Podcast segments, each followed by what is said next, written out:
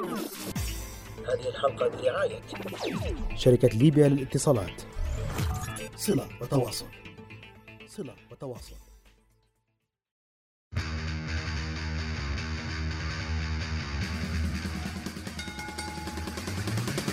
أقوى المواجهات وأكبر النزالات كلها تجري في مكان واحد. في الحلبة. In the ring where it matters. البرنامج الإذاعي الأول في ليبيا والوطن العربي لمصارعة المحترفين وفنون القتال المختلطة. في الحلبة. تغطيات تحليلات وأخبار من مختلف الاتحادات حول العالم. في الحلبة. مع عمر رقيح! نور الرابط. وعلى أشري The best there is, the best there was, and the best there ever will be. And that's the bottom line. The Stone Cold Sepsis.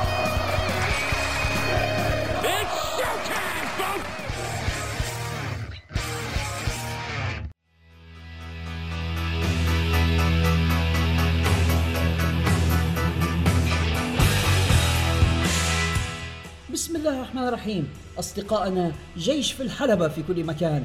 السلام عليكم ورحمة الله وبركاته. وأهلا وسهلا بكم إلى عدد جديد من بودكاست في الحلبة. In the ring where it matters. البودكاست الأفضل والأقوى لمصارعة المحترفين وفنون القتال المختلطة في ليبيا والعالم العربي.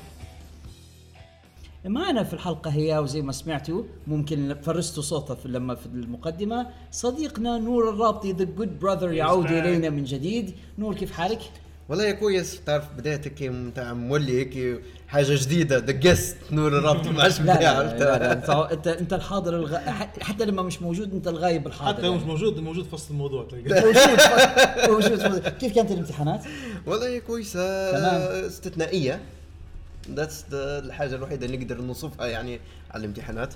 لكن مو مو من متى صار وضع يعني obviously أكيد. وطبعا معانا the maestro المبدع عمر الرقاعي عمر شنو الأخبار؟ الله يبارك فيك علاوي الحمد لله بارك الله فيك. ماشي الأمور ومتحمسين جدا للحلقة هاي. طبعا باهي ومش حندوي على الكورة اليوم لأن كليت هزايم في كفايه في الأسبوع اللي فاتوا.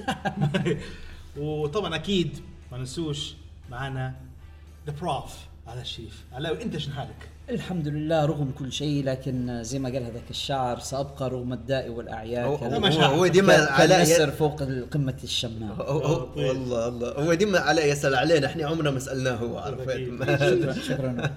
آه، الحق الظروف اليومين هذا ما يعني في مدينة طرابلس صعبة شوية ما زالت عندنا انقطاعات الكهرباء المستمرة والدائمة اللي إن شاء الله ربي يصبرنا عليها. وكذلك عندنا يعني الموضوع الحرب الأهلية ما زالت مستمرة ونسأل الله ينت- تنتهي الأمور على خير وربي يهدي الناس. فالحلقة هي مهداة لجميع مستمعينا في العالم طبعا لكن خاصة اللي معانا في ليبيا واللي يسمعوا فينا من خلال أثير الراديو.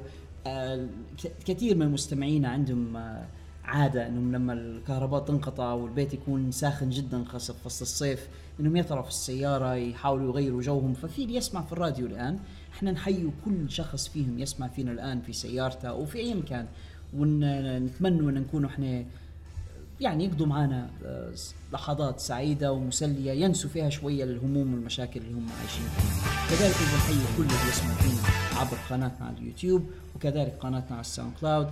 الجميع أهلا وسهلا بكم وإن شاء الله تقضوا معنا وقت ممتع. الأسبوع اللي فات في مصارعة المحترفين وفنون القتال المختلطة كان كبير وحافل وما زال الأسبوع القادم في حاجات تانية أكثر وأكثر. فإحنا الأسبوع هذا إحنا حنقعدوا ما بين آه، مراجعة لأحداث سابقة وتوقعات لأحداث قادمة بداية صيف ساخن بالفعل في رياضتنا في المصارعة وفي فنون القتال المختلطة. نبدو مع أول حدث صار هذا الأسبوع اللي كان Slammiversary من اتحاد Impact Wrestling وهي الذكرى السنوية السابعة عشر لمولد الاتحاد اللي كان اسمه في الأساس TNA خلينا نديروا طلع على event Slammiversary المباريات اللي آه، اللي تلعبت فيه وأهم النتائج والأحداث. فإلى هناك.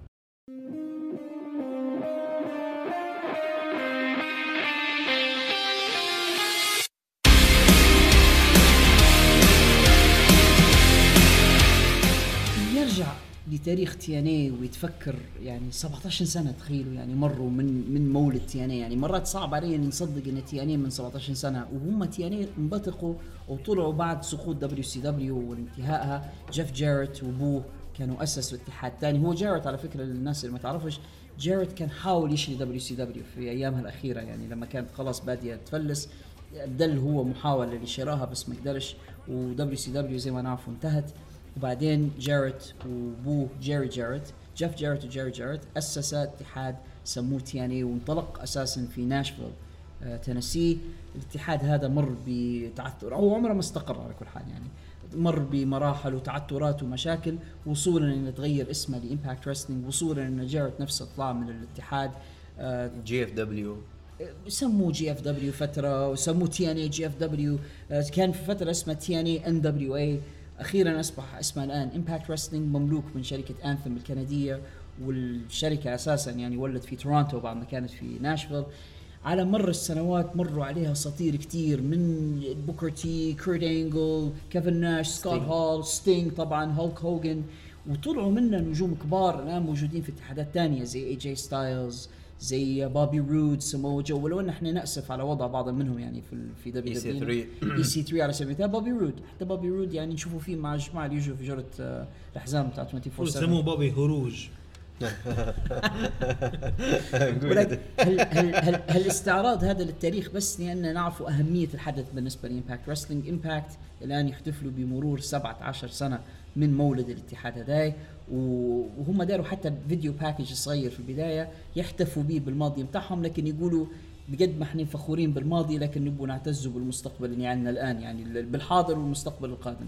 وهم الحق الاتحاد يضم بعض المصارعين والمصارعات الكويسين بس مشكلة الفلس يعني انعدام النقود منهم يعني. ما عند- ما عندهمش سيولة تقريبا. ما عندهمش سيولة بالضبط يعني. ما عندهمش سيولة وما عندهمش بنزينة في السيارة وبيوقف بعدين في طابور الشيل زي أنا بعد شوية. المهم يعني عندهم مشاكل مالية تأثر حتى وحنلاحظوها وإحنا نتكلم على العرض في جودة المنتج نفسه يعني ك production values أو كالتصوير والإخراج والإضاءة وحركة الكاميرا وكل شيء. واضح جدا الاتحاد فقير ومنعدم الإمكانيات. لكن مع هذا أعتقد إن ال event كانت في بعض المباريات الجيدة. خلينا نديروا طلع على ال card في المباراة الأولى ال opening match كان عندنا ويلي ماك ضد جاك كريست ضد تي جي بي. تي جي بي العائد من Impact من دبليو دبليو WWE. من آه، 205 Live اللي كان اسمه تي جي بيركنز هو هذا اسمه تي جي هو, بي تي هو جي كان مش غلط أنا مش قبل كان كان قبل عنده شخصية شو اسمها Suicide Suicide كان في. في TNA صحيح. ضد آه، عضو من فريق The Rascalz اسمه تري ميغويل مباراة ال X Division style السرعة ممكن الطريف في الموضوع اللي هو ويلي ماك ويلي ماك مش X Division. يعني لما تشوفوه ويلي ماك يذكرني بسموه جو زمان يعني ضخم وبدين وهيك لكن يتحرك بسرعة جدا داخل الحلبة. ومفاجأة ومش مفاجأة إنه ويلي ماك فاز في 10 دقائق وما نعرفش يعني الفوز هذا شيء يترتب عليه. هل يولي number 1 contender ما بينوش هم ولكن ويلي ماك يفوز على خصومه في المباراة الافتتاحية اللي هي sets the pace زي ما يقولوا بال- باللغة الإنجليزية أو إنه هو ي- يخشش الناس في ال mood بتاع ال event. المباراة الثانية مباراة ثلاثية على حزام الثنائيات في في Impact يقولوها ترى مرتين. ثلاثي مباراة ثلاثية على الثنائيات. مباراة ثلاثية. مباراة- ثلاثية. ثلاثية. على الثنائيات. مباراة معناته- تولت مو مو مباراة ثلاثية ماسونية يعني الفكرة منها إن ثلاثة فرق حيلعبوا على بطولة الثنائيات. الأصل كانوا LAX Latin American Exchange كانوا هم أبطال الثنائيات ولكن فاجئوهم فريق The North بانهم انتزعوا منهم لقب في event قبل ال pay-per-view هذا. event اسمه Bash at the Brewery ال brewery على فكرة المعمل اللي يصنع فيه آه، مشروب معين. ففي ال Bash at the Brewery الخمر ولا ال- ال- ال beer. آه. يصنع ال beer في ال brewery ففريق The North المؤلف من إيثان بيج و- وجوش ألكساندر هزموا LAX واللي هم ال tag team champions وبعدين ضموا نفسهم ضد المباراة الثلاثية. The North إيثان بيج وجوش ألكساندر ضد Latin American Exchange اللي هم اورتيز وسانتانا ومعاهم كونان ضد فريق The Rascalz اللي هم ديزموند اكزيفير وزاكري وينتز ومعاهم برا اللي كان مشارك في المباراة اللي بكري تري ميغيل مباراة ثلاثية زي ما قلنا على أحزمة الثنائيات. أنا ممكن الملفت لي فريق The North اللي ما يتبعش في Impact The North إيثان بيج هذا wrestler هيك ومصارع. أنا شايف إنه يمشي في الدبليو دبليو درح كمل بالطريقة المليحة good heat إنه يكره الناس فيه عندك character يخليك تكره. يسموا فيه punchable face exactly ممكن اللفظ هذا اللي استعملته أحسن حاجة توصف بها واحد زي ايثن بيج. آه وجهك يدك تنجذب له خاطرك تضربه. عارف ضخم هيك لكن في نفس الوقت مترهل الجسمه الثاني ف- الكساندر amazing فكرني بولد زمان ولا كان معي في الثانوي. ج- جوش الكساندر مصارع رائع جوش الكساندر ال gimmick بتاعه إنه هو Olympic wrestler يلبس حتى في ذاك ال headgear بتاع ال Olympic wrestlers ضخم وحركاته كويسة في الحلبة. يدير حتى في ال ankle آه، ال ankle شو اسمها؟ ال ankle lock بتاع كيرت انجل. اللي اللي يمسك بها ال- هي مسكت. مسكة الكاحل اللي كان يدير فيها كين شامروك سابقا يعني. يدير فيها حتى هذا جوش الكساندر المهم باش ما نعطلوش هلبة على جمهورنا ما زالت فقراتنا كثيرة. في سبعة دقائق و20 دقيقة The North المؤلف من ايثن بيج وجوش الكساندر يتمكنوا من إنهم يحافظوا على الحزام بتاعهم. بسبب إصابة تعرض لها سانتانا من فريق ذا ذا LAX قعد مصاب وما قدرش يخش الحلبة واستغلوا هم الفرصة وثبتوا آه، واحد من أعضاء فريق The Rascalz وفازوا. المباراة اللي بعدها first blood match يعني أول واحد يصب من الدم هو الخاسر بين إدي إدواردز وكيلر كروس. كيلر كروس اللي ما شافوش شيء أنا شايفه breakout star في Impact Wrestling الراجل عنده look ال promos بتاعتها رائعة جدا يعني واحد من دب... واحد من أحسن المتحدثين في Impact يعني لما شد المايك فعلا البرومو بتاعه مخيف creepy بطريقة مليحة يعني ويدير في الرعب أكيد ال character بتاعنا هو مخيف أصلا. آه جسمه ممتاز وحركته كويسة في الحلبة. أنا شايف إنه يوما ما حنشوفوه somewhere else يعني كيلر كروس ما أعتقدش حيعطل هلبة في في Impact Wrestling هو الشهر اللي فات كان يحاول يطلع على فكرة كان يحاول يتملص من عقدة معاهم. آه مشاكل صارت بينه وبينهم. لها علاقة بموضوع سكارلت بورديل لأنه هو متحاب هو وسكارلت ولما سكارلت زعلت سيبت طلب حتى هو يسيب لكن ما خلوش يمشي. فقعد معاهم لكن قاعد على مضض. جو قاعد يعيل. كيلر كروس ضد ادي ادواردز ادي ادواردز اللي تفكروه اللي مش متفكرينه من فريق The American Wolves المباراة basically hardcore style match ضرب بال kendo sticks والطاولات والكراسي وكل ما تطالها الأيدي. كيلر كروس جاي مزوق وجهه أسود وأبيض وكان شوية شكله مخيف. آه ورغم قوته في المباراة لكن ادي ادواردز قدر إنه هو يسبب له النزيف الأول وفاز ادي ادواردز في 11 دقيقة و30 ثانية. المباراة اللي بعدها مباراة آه singles match مباراة واحد ضد واحد موس ضد روب فان دام. روب فان دام آه إن شاء الله لما نديروا حلقة نهاية السنة ونديروا جائزة هو آه مش نديروا فيها ديما جائزة يو ستيل جات أو المصارع اللي ما زال عنده ما يعطي آه أنا نقول فان دام ستيل جات بالنسبة لك حاجة مهمة جدا بالنسبة لي أنا قاعد يستخدم يستخدم الكلونه بتاع روب فان دام. فظيعه فظيعه يخش أنا بنفس الأغنية دي هذه أغنيته في امباكت رسلينج امباكت آه اسمعها تو حنسموها للمستمعين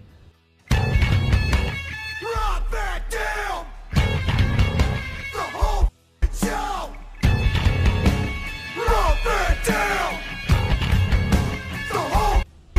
فان دام قاعد يدير يعني مع إنه سنة تقريبا فات السبع ال 50 هو مواليد 70 يعني ناهز ال 50 سنة هو فان دام. قاعد يدير في نفس حركاته الاولى rolling thunder فتحات الرجلين بتاع ال 100 و 180 درجة ال- ال- ال- هذه شو اسمها يا عمر الحركة اللي كان يدير فيها اللي زي الهليكوبتر هليكوبتر لما لما يدير قفزة لما يفتح رجليه 180 وينجز يدير دورة كاملة.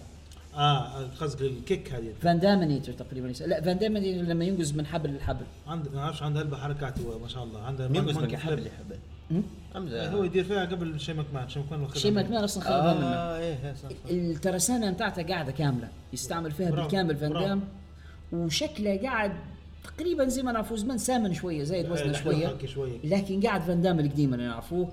الحلاقة ذيك والقرن كل شيء زي ما هو. موس آه فاجأني مستواه في المباراة. مع إنه موس يعتبر مصارع جديد نسبيا لما تقارن فان دام قدر يشد روحه قدام فان دام وقصة المباراة موس اللي شاب وقوي واحد ضد فان دام الكبير اللي موس أساسا يبي يقضي على حقبة ECW هذه في ال storyline فداروه في مباراة يغلب آه تومي دريمر في مباراة تسلط على سابو. في جابوا له جماعة ECW The Sandman يضرب في جماعة ECW ففان دام يبي يثبت ان إحنا قاعدين يعني قاعدين نقدروا. إمتى لكن ينحرق ال- الشريط هون بتاع ECW. إي سي دبليو أوريجينالز وإي سي دبليو وضروهم إمتى بينحرق جديات أنا أنا عندي نوستالجيا ل ECW باهي.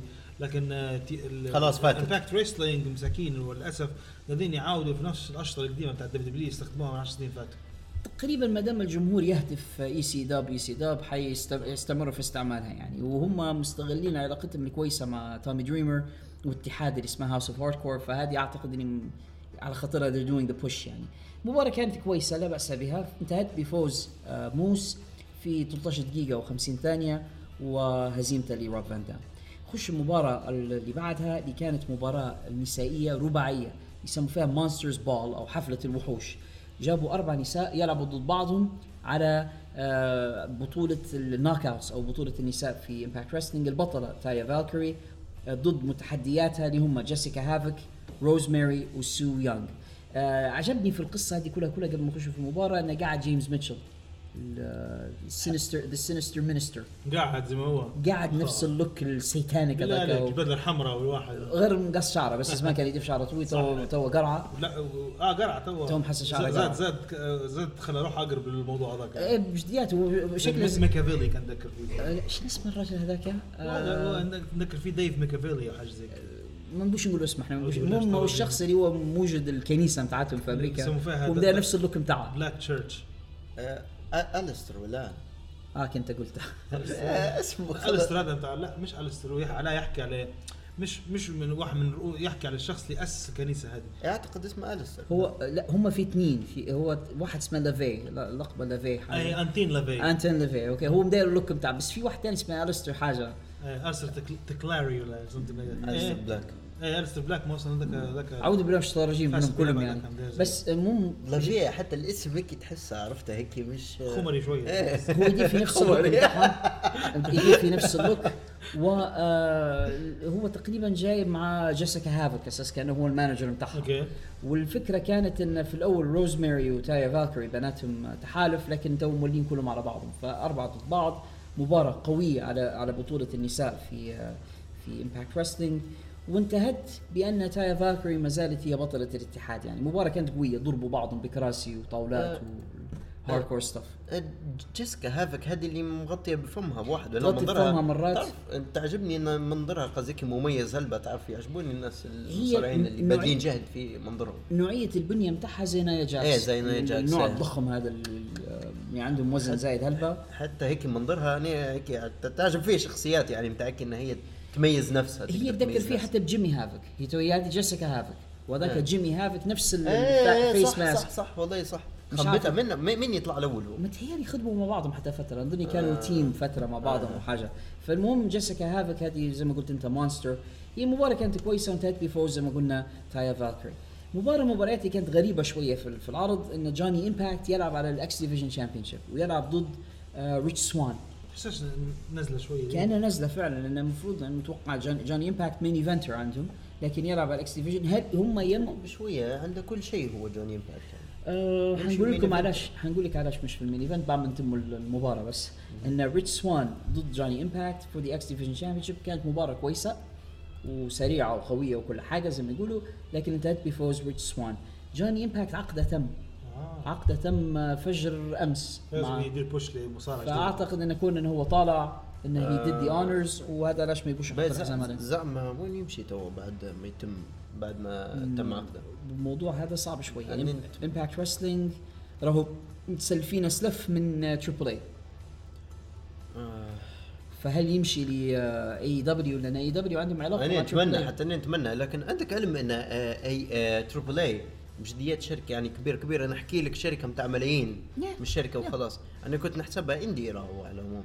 طلعت انها شركة عملاقة وفي جمهور والدنيا في المكسيك. اتحاد number 1 في المكسيك ويعتبر من أكبر الاتحادات في العالم بعد بعد اتحادات أمريكا و New Japan Pro Wrestling يعتبر اتحاد كبير ما جداً. ندريش AAA. على هنا هذه تعرف فاهم it's big company فما نعرفش هل جوني امباكت بيرجع ل Triple A حيمشي ل دبليو دبليو إي اي دبليو عندهم لي plans المهم جوني امباكت آه، أعتقد موضوع مع Impact Wrestling انتهى بس الموضوع ما زال غريب لأن تايا فالكري اللي هي زوجته in real life قاعدة مع Impact وبالعكس يعني قاعدة شادة بطلة النساء عندهم. براين كيج ضد مايكل الجن for the World Heavyweight Championship هذه باهي هذه أكيد مايكل الجن آه، كندي. أنا توقعت بصراحة حتى لما درنا حلقة ال predictions الأسبوع اللي فات أنا توقعت مايكل الجن يعطوه اللقب باعتبار إن الشركة كنديه وبيحاولوا يح- يحطوا الأحزمة على كنديين. لما تلاحظ ال North فريق الثنائيات كندي تايا فالكري كنديه توقعت إنه حتى يتموا مع ال world heavyweight championship لكن براين كيج فاز. وهذه طريفة جدا إن نهاية المباراة يتدخل شخص مقنع قصير شوية وضخم ويدير في في الجور. من يكون الرجل هذا زعما؟ زهير جامعه آه راينو. راينو جاي ودخل في ال main. event ودار الجور لمايكل إلجن. مش. هو في سياسي تو ربح مش طلع. من لا خسر في الانتخابات. خسر في انتخاباته وهو عقده مع دبليو دبليو ما زال ما تمش تماما. هو عقده خلاص يعني بينتهي قريب فبش ما يرفعوش عليه قضية جاي مقنع. دخل في المباريات كان مقنع ودار الجور على براين كيج وسبب في فوز مايكل إلجن. ما نعرفش هل نبدو في قصة بين براين كيج و وراينو ولا بي... لك إيه، ه- ه- هاي هيك مصارعة. يعني إن تشبح زوز هيك ضخمين هيك زوز عفاريت ويتنطحوا في بعضهم. هذه المصارعة راه اللي خلت نحكي إحنا حتى الليبيين يتفرجوا. يشبح واحد عضلات يشبح واحد عضلات تاني ويتفاشخوا.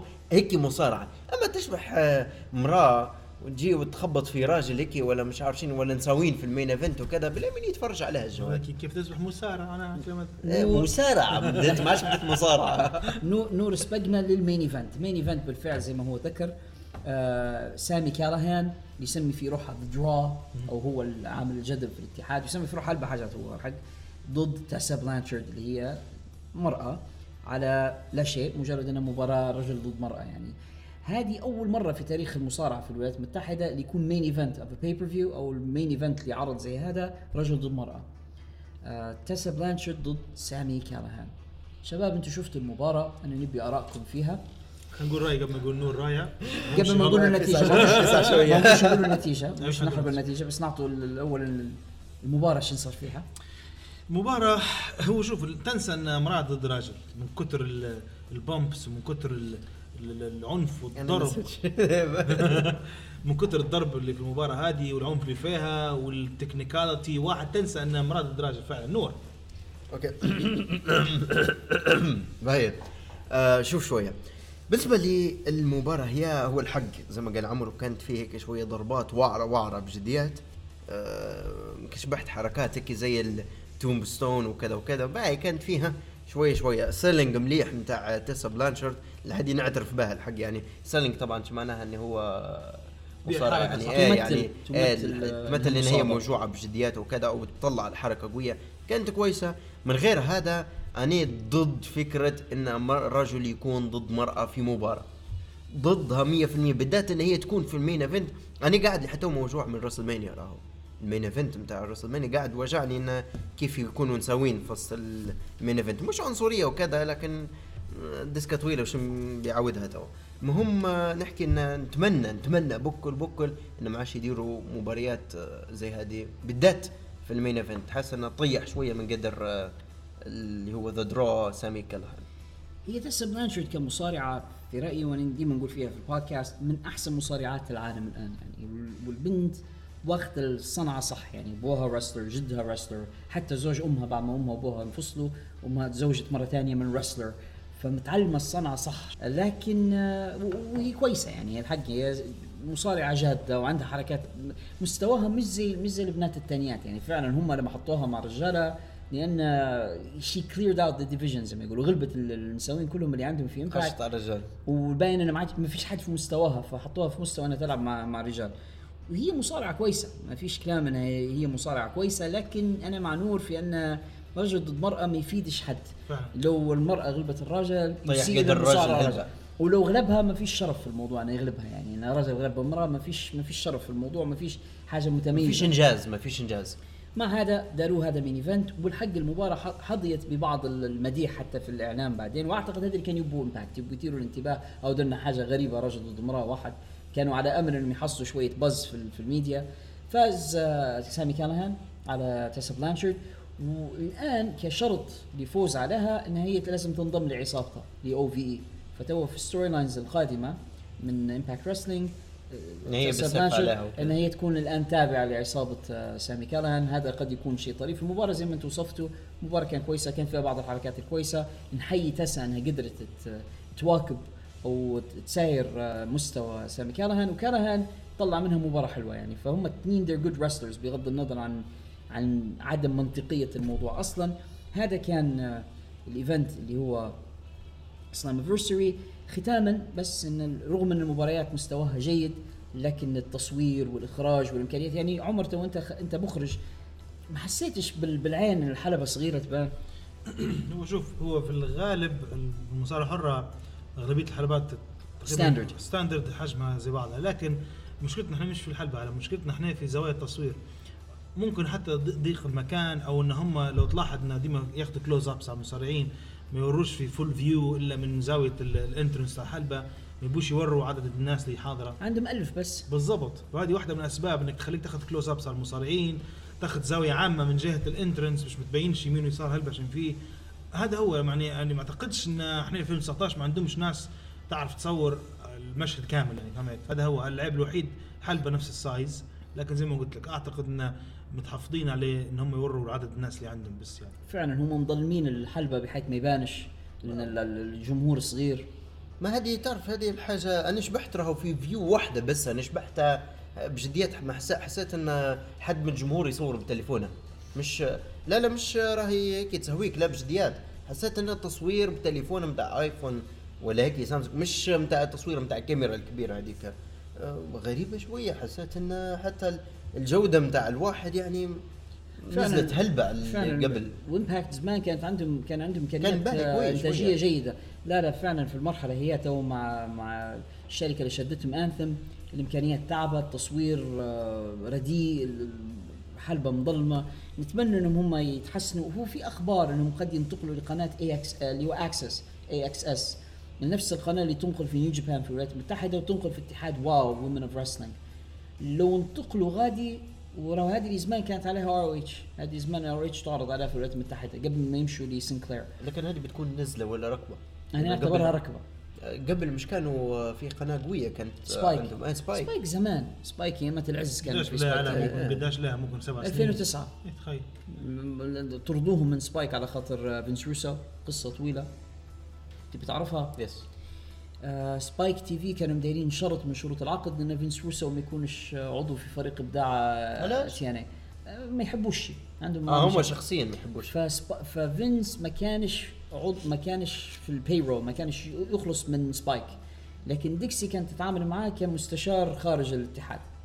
كويس. باهي فغلطت مرة ديكسي كارتر اللي كانت مديرة نعم. الاتحاد يعني ربي ما يذكرها بالخير. فبعتت إيميل لفينس روسو تسأل فيه في حاجات.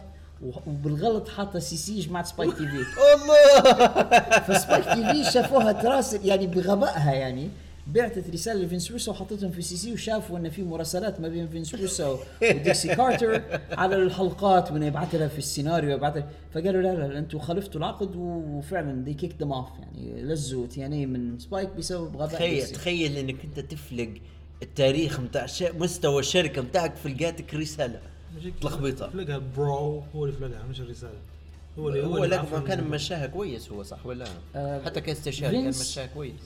روسو كان كويس لكن سمعته كانت سيئة عند جماعة Spike ف Spike كانوا ما يبوش. إيه لكن و- م- م- مش سببه هو. وس- هذه غبية ديكسي. Spike دعموا جيبة هوجن ال- الناس اللي جابوهم في في البداية. لكن بعدين لما Spike سحبت TNA ما عادش قدرت تخلص ال- ال big stars اللي عندهم فقعدوا يخلصوا من جيوبهم. وهذا اللي فلس ب TNA على فكرة. لو استمروا على Spike ربما كانوا في عزهم للآن. آه ديكسي كارتر خلاص. ديكسي كارتر. هذا كان عرض Slammiversary من Impact Wrestling ناخذ فاصل صغيرون أعزائنا المستمعين ونرجعوا لكم ومعانا event آخر New Japan Pro Wrestling والليلة الأولى من G 1 قصص مصورة. أبطال خارقون. سينما مسلسلات أنمي ألعاب فيديو تكنولوجيا ومخترعات. كل ذلك وأكثر تجدونه في بوب توك Yippee-ki-yay, البودكاست الأقوى في ليبيا والعالم العربي لمواضيع ثقافة البوب Make my day. مع علاء الشريف Name's Bond. James. عمر الرقيعي The fastest man alive. نور الرابطي ومعاذ الشريف It's strange. بوب توك كل ما يحبه ال geeks في مكان واحد I'll be back.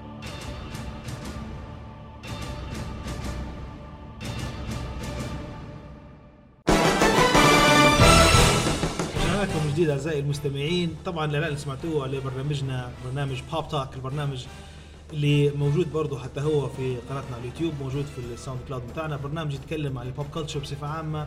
في برنامجنا تحديدا نتكلموا على ال video games نتكلموا على السينما نتكلموا على ال comic books نتكلموا على آه، ال technology وأيضا نتكلم عن المسلسلات والأنمي. كل ما يحبه ال geeks في مكان واحد.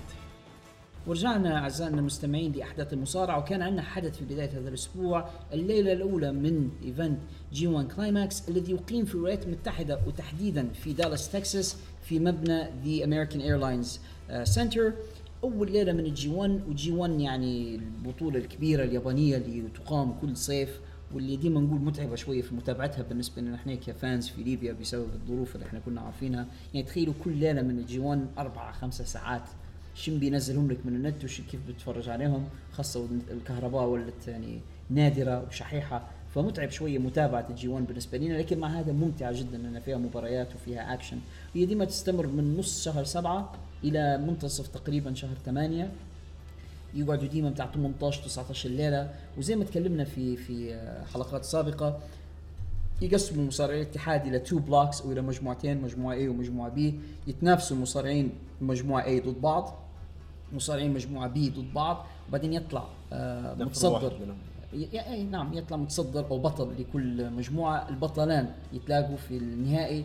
وبعدين اللي يفوز منهم يولي ال number 1 contender أو المرشح رقم واحد يتحدى بطل الاتحاد في آه ال event الكبير يديروا فيه في الرابعه من يناير من كل سنة اللي هو Wrestle Kingdom فهم بدوا بداية يعني مبكرة.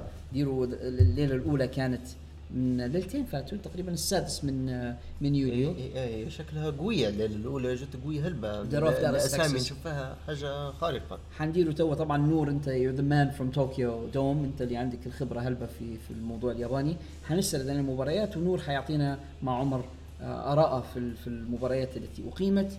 ونشوفوا بعدين اللي قدام شو ممكن يصير في ال G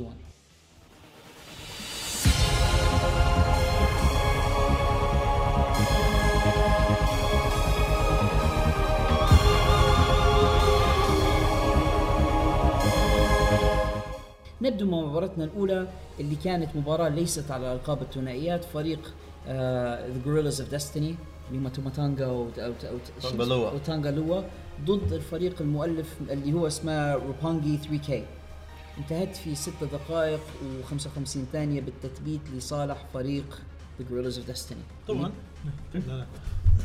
طبعا شوف هو إحنا Guerrillas of Destiny زي ما نعرفوا يعني من المصارعين اللي بجديات يعني هو صح العرض طويل وممل وكل شيء بس ديما الناس هذه ديما تبهرك على فكرة بادائها ديما عندهم ما يقدموا شيء ديما يعني مباراتهم ديما شيء جديد. ديما نقول فيها يعني على نضرب في المثل بمين؟ نضرب المثل بال ROH الفرق الثنائيه لما يتلاقوا مع بعضهم ويديروا لقطات حلوة وتعلموها New Day Guerrillas of Destiny أعتقد هذه حاجة موجودة فيهم من الأول.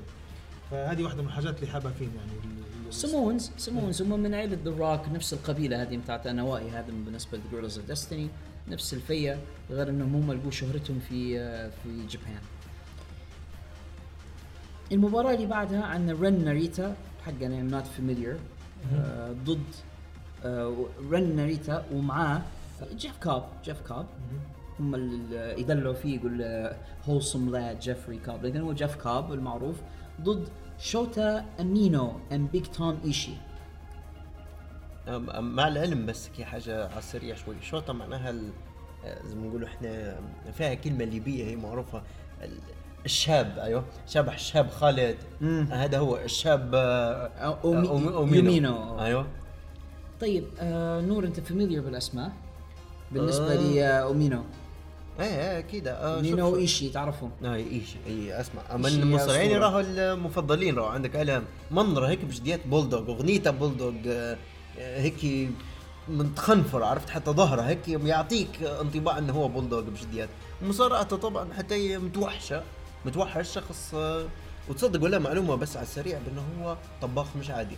يشبح فيه في التويتر مرة مرة والله ديما يطبخ ويعزم في تاناهاشي وهذا وش اسمه و- واللي اعتزل هذا آه، شيباتا. شيباتا. آه، ديما يعزم فيهم ويدير في ماكلة والله تعرف يسهل فيه. شيباتا طباخ. أنت- اعتزال رسمي نهائي؟ آه شوف آخر حاجة سمعت عليه بها بانه هو خلاص يعني ما عادش يقدر. وجايب كنتا اللي هو كان هيديو إيتامي على أساس بإنه هو نوع من ال مش نقولوا خليفة لأنهم هم زوز نفس عمر لكن هيك مجرد إنه هو باش يكمل الطريق يكمل بتاعه المشوار. إيه. انتهت المباراة بفوز الفريق الأول اللي هم رين ناريتا وجيف كاب، أنا جيف كاب من المصارعين اللي لازم هالحق يذكر فيها ديما نقول فيها. آه، مزيج من كيرت أنجل وسمو جو. مصارع ممتاز هو بالفعل جيف كاب فعلا. المباراة اللي بعدها عندنا هيروكو هيروكي جوتو ومعاه آه، يوشي هاشي. ضد جاي وايت وتشيس أونز. جوتو هذا هذا كان عنده مباراة مش عادية. هو إيشي كانت في Wrestle Kingdom 11 ممكن ولا حاجة زي كي جوتو راه تعرف مش عادي راه عنده يعني ال look نتاع هذوك الساموراي القدم. عنده منظر هيك نتاع. ساموراي قدم. هذوك اللي عرفت تشبه فيهم في الأفلام الصينية هذوك. عنده منظر بالضبط هيك مداير اللحية ومداير هيك. تقول تشبه فيهم؟ ما يوشي هاشي شو رأيك فيه؟ أنا أحس فيه يجيبوا فيه للكوميديا أكثر من أي حاجة. إيه ما حتى أنا استغربت ما هو جوتو serious عرفت؟ شخصية serious ما استغرب كيف جايبينها مع يوشي هاشي هذا. وجو آه لكن ضده حتى هو جي وايت يعني جي وايت the. Switchblade. جي وايت اللي كان يبوه يكون خليفة آه، كان يومين كيني اوميجا ولكن ما ما هي up to it أيوة. مثلا عموما المباراة هي انتهت في 8 تشيس أونز دقائق. تشيس اونز يعني تفكر فيه في TNA قبل ما نشوفه في اليابان تفكر فيه كان في ثنائي في TNA وبعدين ما صارش منه في أمريكا ومشى لليابان وتحسن هذا في اليابان المباراة زي ما قلنا انتهت في 8 دقائق و40 ثانية بالتثبيت لصالح الفريق الأول اللي هو هيروكي جوتو ويوشي هاشي المباراة اللي بعدها عن جوشن لايجر اللي ما زال ما بيش يعتذر الرجل هو قديش عمره؟ at least اللي موجود حاليا عمره 54 سنة. اللي موجود في الخمسينات اللي في الساحة. والله حق صح. مواليد 64 هو. لكن راهو تعرف آه، في مصارع جديد تو هنا آه، مش جديد آه، خذوه WW شو اسمه في كان هو ويل أوزبري ياخذ في مباريات هلبة. ياباني؟ آه ياباني يا آه كان هو ويل أوزبري هلبة يتعاركوا والله نسيت اسمه. عموما المصارع هذا آه كان يجيب في فيديوهات اللي يروحها مصورين ماليه كيف إنه هو يتبع في جوشن ثاندر لايجر ايامات كان آه صغرى. هو هو, بتاعه. هو أسطورة في اليابان. إيه، تشوف جوشن- كبير جوشن. لايجر أسطورة. ولايجر تقريبا حتى مديرين له كرتون فترة. لايجر اللي هو تايجر لاي لاين مش عارف سموه جوشن لايجر character مشهور في أمريكا في في اليابان. عندنا جوشن لايجر قلنا وجوس روبنسون ومعاهم تورو توريانو حتى هو مصارع كوميدي كوميدي. آه، زي هو السانتينو ماريلا بتاع اليابان. ضد الفريق المؤلف من شينجو بوشي أند تتسويا نايتو هم أكثر واحد ممكن تصير نايت هو اللي تحسه هم هم نفسهم كلهم نفس الفريق هم. عارف بس هو في الفريق هذا تحس أكثر واحد يعني تسوي نايتو يعني ال- ال- مشهور فيه. البارز فيه. إيه مشهور. تحسه بارز فيه أكثر واحد انتهت المباراة بفوز الفريق الأول المؤلف من جوشن لايجر جوس روبنسون وتوريو يانو. تو نخش بمباريات بالنسبة لل G 1 المباراة الأولى كان فيها آه، لانس أرشر ضد ويل أوسبري. وانتهت بفوز آه، لانس أرشر في 18 دقيقة و17 ثانية. وأنا حسيت اختيار موفق انهم داروا زوز شبحتها آه، زوز مش يابانيين. زوز جايجين يديرون في المباراة هذه. ما ننسوش إنه يلعبوا في ال event هذا في الولايات المتحدة فبيحاولوا يحببوا الجمهور الأمريكي في, في ال event. كانت ترى مباراة قوية قوية راهو. مدايرين شخصيا آه، الشخص الصغير ضد الشخص العملاق اللي هو ويل أوزبري ضد لانس أرشر. شبحت chokeslam دارها لانس أرشر دارها لي ويل أوزبري. تعرف خرج الحلبة تا- أنا شبحت أنا قلت هذا مات أنا هذا حدفه هيك قامة وحده وحدفه برا ال- ال- هذا جهة الجمهور. ب chokeslam هيك زي تو. والله ما يذكركش بكيفن ناش شوية لانس أرشر. كيفن ناش شو شو إيه صح صح صح شعر طويل وشعر وصح صح. صح صح. ذكر فيها شوية بكيفن ناش؟ طبعا المصارع أحسن يعني بقول لك. وويل اوسبري واخد شوية شعبية تو خاصة بعد المشكلة اللي صارت بينه وبين سيث رولنز على تويتر والعركة اللي صارت بيناتهم. فشويه واخد محبة من الجمهور لكن للأسف ما فادتهاش. خسر وفاز عليه لانس ارشر في زي ما قلنا في 18 دقيقة وشوي. المباراة اللي بعدها برضه في البلوك A كلها مباريات من البلوك A باد لك فالي ضد ايفل ب... شو آه، باد لك فالي اللي هو العملاق هذا اسمين اللي لابس اللي في البوليت كلوب. آه، آه، إيفل. آه مثلا دي مباريات يعني زوز اسبان وزوز مش مصارعين ملاح راهو حتى إيفل يعني نص نص راهو. زوج مباراة كويسة. حتى مقيمين النجمتين يعني التقييم تاعها وفاز فيها. نجمة حاجة فاز فيها باد لك فالي ويحظى بنقاط المباراة. عندنا سنادا يتمكن من الفوز على زاك سيبر جونيور. هذا أكثر مصارع النور ما يحباش في اليابان آه، بعلمي آه، زاك آه. سيبر جونيور على خاطر آه، ضعيف وما عنده شكل نحولة وما يعني. عنده شيء ضعيف وما عنده شكل يعني ما أنا ما فهمتش علاش هيك يديروا مرات يعني. المفروض المصارع ي- ي- يعطوه وقت باش يبني نفسه. يعني حتى أنا كمتفرج مصارعه كافرج فان حيهز على المصارعه لما تجيب واحد مسلوع ضعيف هلبة. ضعيف لا هو مشكلة ضعيف وطويل. عرفت؟ يبان كأنه استكمال عرفتها؟ بالفعل أنا موافقكم في الكلام. هذا المباراة انتهت لكن بفوز سنادا في 21 دقيقة و25 ثانية بالتثبيت. المباراه اللي بعدها عندنا كنتا يتمكن من الفوز على كوتا إيبوشي في 20 دقيقة و50 ثانية. أنا مش غلط هذه المباراة الأولى لي في G 1 هذه أول مباراة لي في ال G 1 أيوه. وأنا مستغرب شوي انك انت مش heavyweight يعني بيلعب في في ال bl- في ال block. ال G 1 أنا حساب ال G 1 لل- لل heavyweights لا ما أعتقدش لا. في مصارعين حتى هذا يوشي ها إيه صح يوشي هاشي قاعدين يتاهلوا لل number ال blocks. 1 contender في إيه، ال IWGP ممكن لأن مجرد إنه هو كنت اسم كبير وخلاص وجاي من يعني. من- من ال W آه، W. آه، ولعب ضد كوتا يبوشي يعني ما- كل حاجة. مباراة كويسة. المباراة اللي بعدها اللي كانت main event of the night ومباراة تستحق انها تكون main event بالفعل كازوتشيكا أوكادا ضد هيروشي تاناهاشي. في 22 دقيقة و10 ثواني يتمكن كازوتشيكا أوكادا اللي هو عنوان اتحاد اليابان من الفوز. أنا تناهاشي أعتقد هو اللي خلاش المباراه مملة هلبة بصراحة هو معروف هو معروف صح نقصد- أحسن من إن- أوكادا راه. إيه، أوكادا إنسان آه، آه، راندي أورتون ش باهي هو ما يتشقلبش. هو بطيء شوي. هو يلعب safe كويس وهذه حاجة ما فيهاش عيب إنك تلعب safe لكن لدرجة ان إن- إن لازم لازم يكون معاه شخص اسم باش يطلع منه حاجة. باختصار. صح صح. أنا أنا معك. أنا معك كازوتشكا اوكادا لحد الآن مباريات المسلية اللي شفتها كل كلها. يسموه كازوسكا بطاطا بطاطا. لا ديما ديما نشوف فيه مع مصارعين كويسين مش تطلع منهم مباريات كويسة. وتناهاشي على فكرة هو الفائز من ال G 1 السنة اللي فاتت.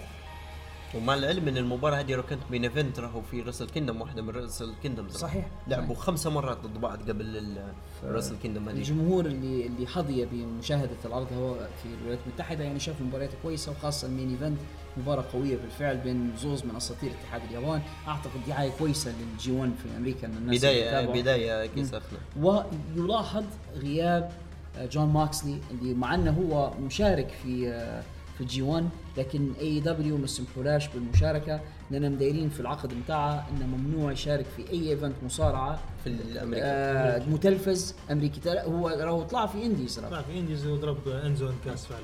لكن مش سامحينه يطلع في عرض متلفز لاتحاد آخر طالما هو مع AEW كان كان هم فالحين يخلوه يطلع. لكن يقسموا معاه يقسموا على الاتحاد اللي بيط- بيطلع بس. بس فاهم ممكن يبوك exclusive وخلاص هذه ال point مش موضوع فلوس بس. عموما هذا كان الليلة الأولى من ال G1 اللي أعتقد حيحمس ناس كثير هو اعتقد ال G1 حينطلق بشكل رسمي بدءا من الأسبوع القادم. وإن شاء الله نوعد جمهورنا في In The Ring إن حنقدموا لهم تغطيه اسبوعيه لل G1 Climax ال G1 Climax نعم. آه صديقنا نور الرابطي يكون معنا بس. أنت حت أظن course, of course, of ونور هو خبير اليابان يعني فينا حتى في نطق الأسماء وغيرها. أنا تعذروني أنا مش مش طريق اللسان بالنسبة للأمور اليابانية فمعنا نور خبير. كل ما هو ياباني.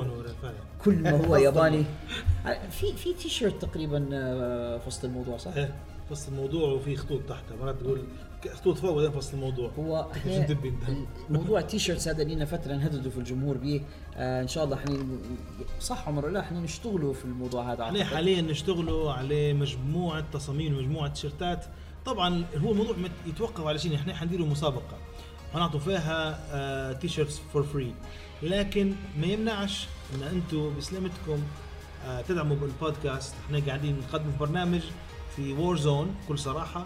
من غير إن هي War Zone فقط إحنا كهرباء مع الناس بال يعني أوقات طويلة. بعد كل إحنا مستمرين. وهذا الشيء طبعا حيكون حافز لينا وحيكون يعني يعني جهاد جهاد. إيه ولو حد لو حد فعلا اشتري منا تيشيرتات يعني هو مش مش ان ان, إن مثلا تيشيرت 30 أو 40 جنيه مرتين ثلاثة بتغنينا بس بالعكس نحسوا إن في ناس تبع فينا. دعم بالبرنامج هذا هو. وحاجة أنت نفسك كعضو في جيش In The Ring تفتخر إنك أنت لابس تي شيرت عليه واحد من ال- ال catch ال catchphrases بتاعتنا والجمل اللي نقولوا فيها زي Well well well ونفس شعار البرنامج. عندنا مجموعة أفكار وخاصة لو أنت من ضمن قاعدة المروحة بتاعتنا إيه قاعدة مروحة عارف إنه قاعدة المروحة عشان هي؟ استثمار العاطفي والجو أيوة. كله.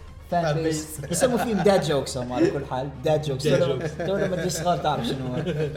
فلو انت عضو من قاعدة المروحة بتاعنا وهذه واحدة من ال T-shirts أيضا قاعدة المروحة. مجموعة حاجات. فقبل ما نسكر الفقرة من ال G1 آه عمر قديش تعطيهم كيوية من خمسة؟ آه، من اصل خمسة كيويات نعطيهم آه، هو ال G1 ديما ديما الكيوي عندهم يعني رخيص يعتبر. مش رخيص لأنه ما فيهوش رخيص إنك تقول تعطي حتى خمسة كيويات. بس حنعطي أربعة على خاطر آه، شو اسمه على خاطر آه، شو يسموه فيه هذا؟ ال main event؟ ال main event yes حتى أنا نعطي أربع كيويات من اصل خمسه نور. ثلاثة ونص ثلاثة ونص. نور يعطي ثلاثة ونص. حق. يعني. بس صاحبنا ذاك يزعل؟ كيف كيف يزعل هو لما شو مشكلتك معي أنت؟ مش وقت مش وقت. خلينا نختم على روس تو نختم في موضوع ثاني خدتك خليها بعدين. تحية لصديقنا اللي ما بوش نقول اسمه. المهم فهذا كان G1 Climax الليلة الاولى ننتقل توا للي معظم جمهورنا يتابعوا فيه خاصة ال average wrestling fans اللي هو ال WWE وعندنا في هذا الأسبوع بدينا مع ماندي نايت را في الدقائق التالية حنتكلموا على حلقة را لهذا الأسبوع شنو أهم الأحداث اللي صارت خاصة تحت إدارة بول هيمن الجديدة.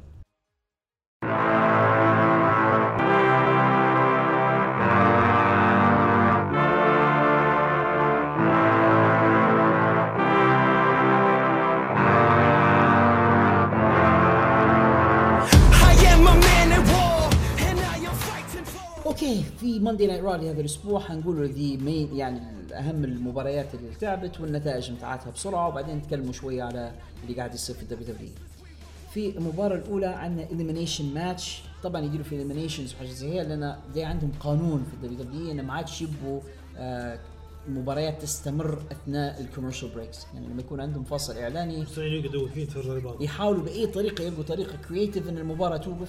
أثناء الإعلان. ما عادش يبقوا المباراه مستمرة والإعلان يلعب. آه، فداروها elimination أساسا. من كثر المباريات م- مشوقة. مهمة آه، بجديات فعندنا باكي لينش وسيث رولينز. أنا بديت مل جدا من الثنائي هذا. آه، ضد بديت. كثنائي. لا قصة إن هم couple بدي ممل جدا. يعني they're pushing it down our throat. خلاص فهمنا. تحبوا بعضكم و couple وكل حاجة. Who cares؟ يعني مش لازم كل حلقة لازم يديروها قدامنا لكن يلا ما علينا. باكي لينش وسيث رولينز. ضد الفريق المؤلف من أندرادي وزيلينا فيجا المفروض ديروا أندرادي وشارلوت. يلا شلنا ال real couples أندرادي وشارلوت. إيه صح. به خلينا نكون واضحين مع بعضنا في نقطة. باهي. زي فيجا الستر بلاك ولا؟ آه. Yes شبحنا أداء كويس من زيلينا. هي طبعا تعتبر مصارعة كويسة. عموما آه، كانت مباراة كويسة. أنا طبعا آه، معجب جدا بتحسن أداء آه، أندرادي. يلعب كويس خاصة لو تشوف ألعاب لما لعب 1 1 هو هو ورولينز يعني داروا شيء كويس. هو اقصر من رولينز تقريبا ب 3 سم حاجة زي هيك آه، لو لو لاحظوا إن في سابق جيل فينس مان كان نبي- نبي بوش قال فينس مان برا تعلم تعلم لك شوية إنجليزي. وهو حاليا آه، أعتقد إنه في ممكن في بوش جايته أعتقد هيك هو مصارع كويس اندرادي من الأول أعتقد إنه ومحبوب راهو بس. من وراء الكواليس حلبة حسب ما يقولوا من عنده سمعة كويسة. هو مصارع كويس من قبل هو على فكرة يعني من عائله مصارعين حتى هم وكان معروف في المكسيك قبل حتى ما يجي لي لل WWE لكن بس كانت مشكلته ال push ما كانش محصل ال push المناسب ربما تتحسن حظوظه في الفترة الجاية. لكن مع هذا انخسر في المباراة هذه هو وزنينا وتمكنوا باكي لينش وسات رولنز من الفوز عليهما. لكن بعد بعد الفوز هذا تدخلوا آه ليسي إيفنز وبارن كوربن واعتدوا على الثنائي ال- ال- السعيد باكي لينش وسات رولنز وسببوا لهم يعني في آه، طريحة. يعني على فكرة في لكمة دارتها هذه اسمها ليسي لباكي ضربتها لكمة طبعا لكمة حقيقية هي باهي جتها حق- حقانية. طبعا باكي جت جاها الفاك وبعد فاك قالت لك وطاحت عرفت؟ بتاع صدمه الفاك والحقان اللي جاها بعدين طاح. selling ما ينفعش للأسف ومستوى في نوع من التدني نشبه فيه في في في prediction بسيط بالنسبة لسيث رونس وباكي لينش مع إن هذوك شو اسمهم ال couple اللي كانوا آه، اللي توا وقعوا عقد جديد توا آه، ما- ماريا مايكل و- ماريا كانالس أيوه مايكل ماريا كانالز نحس فيهم بيديروا يعني logical يعني في الموضوع المنطقي انه يتلاقوا معاهم؟ يتلاقوا معاهم يعني. ممكن ممكن. بما إنهم وقعوا عقد جديد والدنيا مباراة بعدها 2 out of 3 falls match أو مباراة أحسن اثنين من ثلاثة تثبيتات. The Miz and The Usos تمكنوا من الفوز على الايس and The Revival أنا أحب هذا النوع من المباريات والسبب إنه يعطوا فرصة للمصارع الثاني إن هو ياخذ win يعني. حتى win واحدة هم بتحس إن يعني المصارعين كل أسبوع يخسروا كل أسبوع يخسروا. مثلا زي زيجلر وكوفي الأسبوع اللي فات. عجبتني إن كوفي ان إن كوفي اختفين من زيجلر. super kick 1 2 3 يعني مباراة كانت 2 of 3 يعني يعني أنا هذه نوعية مباراة نحبها بصراحة. أنا الحق أنا أي مباراة يكونوا طرف فيها The Revival مستمتع بها. The Revival فريق مسلي يعني بالفعل. The Usos في بينهم وبينهم chemistry كويسة وحسيت شوية WWE. يعني okay. The Miz في feud بينه وبين الايس فحطوهم اثنين في المباراة. ال Revival Usos في بيناتهم منافسة. فجمعوا مجموعة خصوم في مكان واحد. طريقه ال old school في ال booking بالنسبة ل WWE مباراة مش سيئة مباراة كويسة. وزي ما قلنا انتهت بفوز الفريق الأول اللي هم The Miz و The Usos عندنا مباراه بعدها لاشلي يتمكن من الفوز على ري ميستيريو في أقل من دقيقة. هو ري ميستيريو مسكين آه، للأسف يعني. مش أول مرة. إحنا بكر لما نتكلم على فان دام جاي بنكلمك عن ميستيريو لما أنت قلت لي قاعد محافظ على لياقته كذا ميستيريو نحس فيه. وبعدين شنو قصة؟ إن كل شوية يخش حد ضخم يفشخه ويغلبه و... هذا اللي كنت بنقولها ما فيش ري ميستيريو is the underdog لما يجي واحد ضخم زي لاشلي وي- المفروض يربح. ي- بالضبط يديله سكواش في في أقل من دقيقة. لاشلي مش محتاجها. ميستيريو هو اللي يستفيد أكثر لما يفوز خاصة هم كانوا يديروا في دعاية عودة ري ميستيريو عودة وهذه مش ميستيريو. أول مرة أنا ما أتمناش إن ميستيريو يفوز المباراة دي بس أقل شيء طول معاه شوية يا أخي ثلاث مباراة ثلاث أربع دقائق أقصى. كويسة. لا وهي مش أول مرة مش كويس سمو. جو مش غلبة بنفس نفس الطريقة الطريقة سكواش حتى مش هو كويس للاشلي انه هو إنه يخسر من ميستيريو ومش كويس لميستيريو انه يخسر في أقل من دقيقة أعتقد قد يكون يعني نظرية مؤامرة بعيدة شوي أعتقد قاعدين يعاقبوا في ميستيريو على مشاركته في اول في في اول ان أول مرة السنة اللي فاتت هو أصر إنه ما يجيش دبليو دبليو لين يلعب في اول ان فقاعد يدفع في الثمن. يكون موجود دي محتاجة الأمراض هي عارف قاعد يعاقب وقاعد جوبينج وسكواش ماتشز مش عارف وين ماشي الأمور بري ميستيريو. زي ما قلنا لاشلي مش محتاج لل- للفوز هذا. عندنا مباراة ثانية حتى هي almost سكواش ماتش سيزارو ضد نوي هوزي تنتهي في دقيقة وعشر ثواني بالت- دوي وزي قاعد أصلا قاعد جابر شعره ذا لونه قديش شعره تو فوسفوري. فوسفوري تو شعرك لا تريحه واطلع أنا سعيد إن سيزارو أخيرا بده يحصل في بعض البوش وفي أخبار إن سيزارو حيحصل بوش في الفترة الجاية. ممكن لكن لنا ش- شيء اسمه ناس بس بلاش. مسكين حصل فرصته ننتقل للمباراة اللي بعدها. Another squash match. فريق ذا فايكنج ريدرز يتمكنوا من الفوز على تو local jobbers أو اثنين من ال jobbers المحليين. آه، انتهت في دقيقة و20 ثانية بالتدمير. بالسحق. مش بالتثبيت بالتدمير بالتدمير آه أيضا مش عارف إنه شنو شنو قاعدين يديروا ب The Viking Raiders يعني ممكن يستفيدوا منهم في قصص لكن على على الأقل مش jobbers يعني على الأقل حتى. لا هو مش jobbers مش, مش باين هيك. الباين إن هم البناء اللي شبحناه قبل اللي رايباك لما كان يخش ويدير squash لل jobbers صار مع البا مصارعين. حتى من بران سترومان في بدايتها جيبوا له جابرز برايبك تعرف من تقارنهم ولا؟ قارنهم بذا اوثرز اوف بين لا خلينا ناطر فكروا فيهم ولا صح. وين شو؟ مثلا نجيك أنا تو اوترز بين فينس كمان فينس كمان ما, ما حبهمش اوترز بين خذوا ولا خلاه هم زوز تقول تقول أصلا أعضاء في الشيلد. هذه واحدة من الحاجات اللي ممكن حسيتها شوية مشابهين يعني نفس بدلة الشيلد وضخمين مش هذا موضوعي. موضوعي بأن فينس كمان يحب النوعية هذه من المصارعين. ضخم مرخي شوية هيك ووجه ملون. الستايل القديم اللي قاعد الزهايمر بتخدم كمان هم كويسين مش مش حق. هم كويسين مش مش كويسين على فكرة.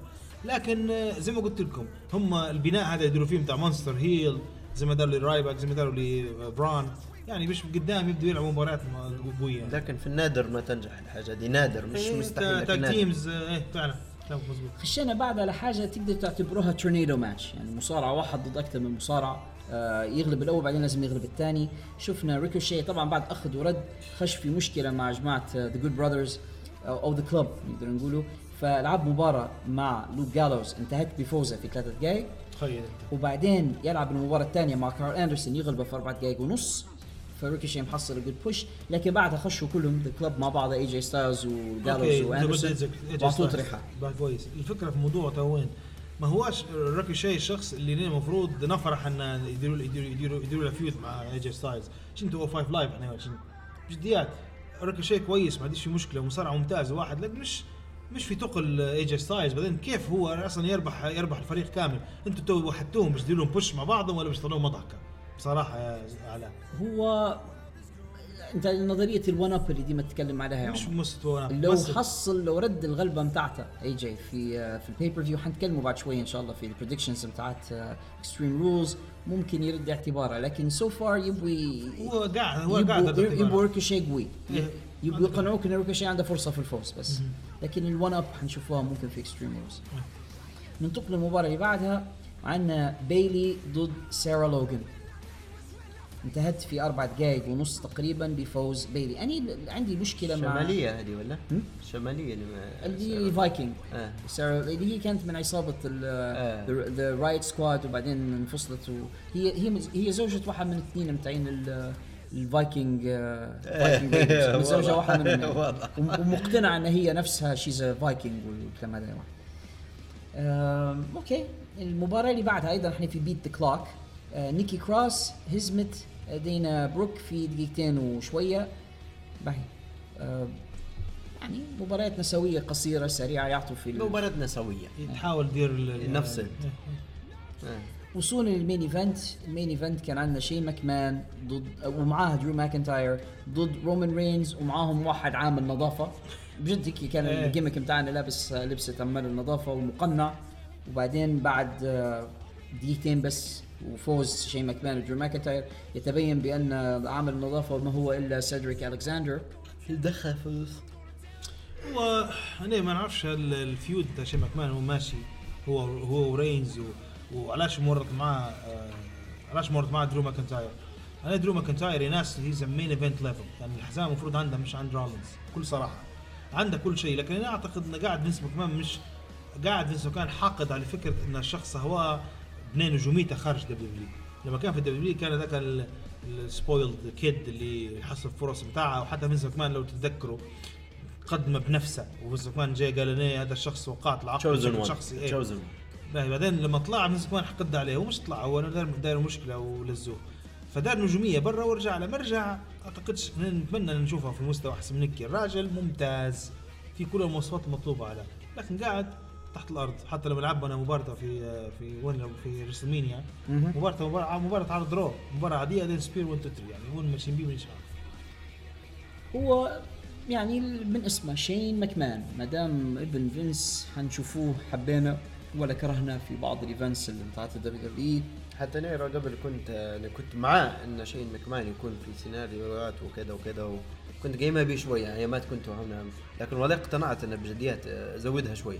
الموضوع زاد عن حده شوية وقصة انهم مصرين the best in the world best in the world يعني مخلتني شوية. يعني لو لو ما فيش خاتمة كويسة لها يعني ما تنتهيش بحد زي سي إم بانك يجي في الأخير ويواجه أو يعني حد يسمي في نفسه best in the world ويواجه شين. الموضوع نشوف فيه آه، بدون جدوى بصراحة. أنا أعتقد انه دفن العبارة نفسها. لما تسمعها تو أنت تتخيل شين ماكمان ما تتخيلش آه، سي إم بانك مثلا أو كريس جيريكو للأسف الشديد. عموما هذا كان عرض را لهذا الأسبوع اعزائنا المستمعين. آه، ما زال ال- ال- بصمات بول هيمن ما- ما- ما بانتش بشكل واضح جدا في في الاتحاد مع إنه هو الآن head of creative بالنسبة لي آه، را أنا أعتقد إنها حتبدأ تبان بعد اكستريم رولز لأن في حاجات already يعني هم كاتبينها والخريطة مرسومة لحد اكستريم رولز أعتقد بعد اكستريم رولز حنبدأ نشوفوا لمسات بول هيمن عندنا event تاني صار هذا الأسبوع باش إحنا نسكروا أحداث الأسبوع وبعدين نخشوا بعدها على توقعاتنا الأسبوع القادم. عندنا event يو إف سي 239 في الدقائق التالية حنتكلموا بسرعة على event يو إف سي 239 وأهم النتائج اللي جرت فيه.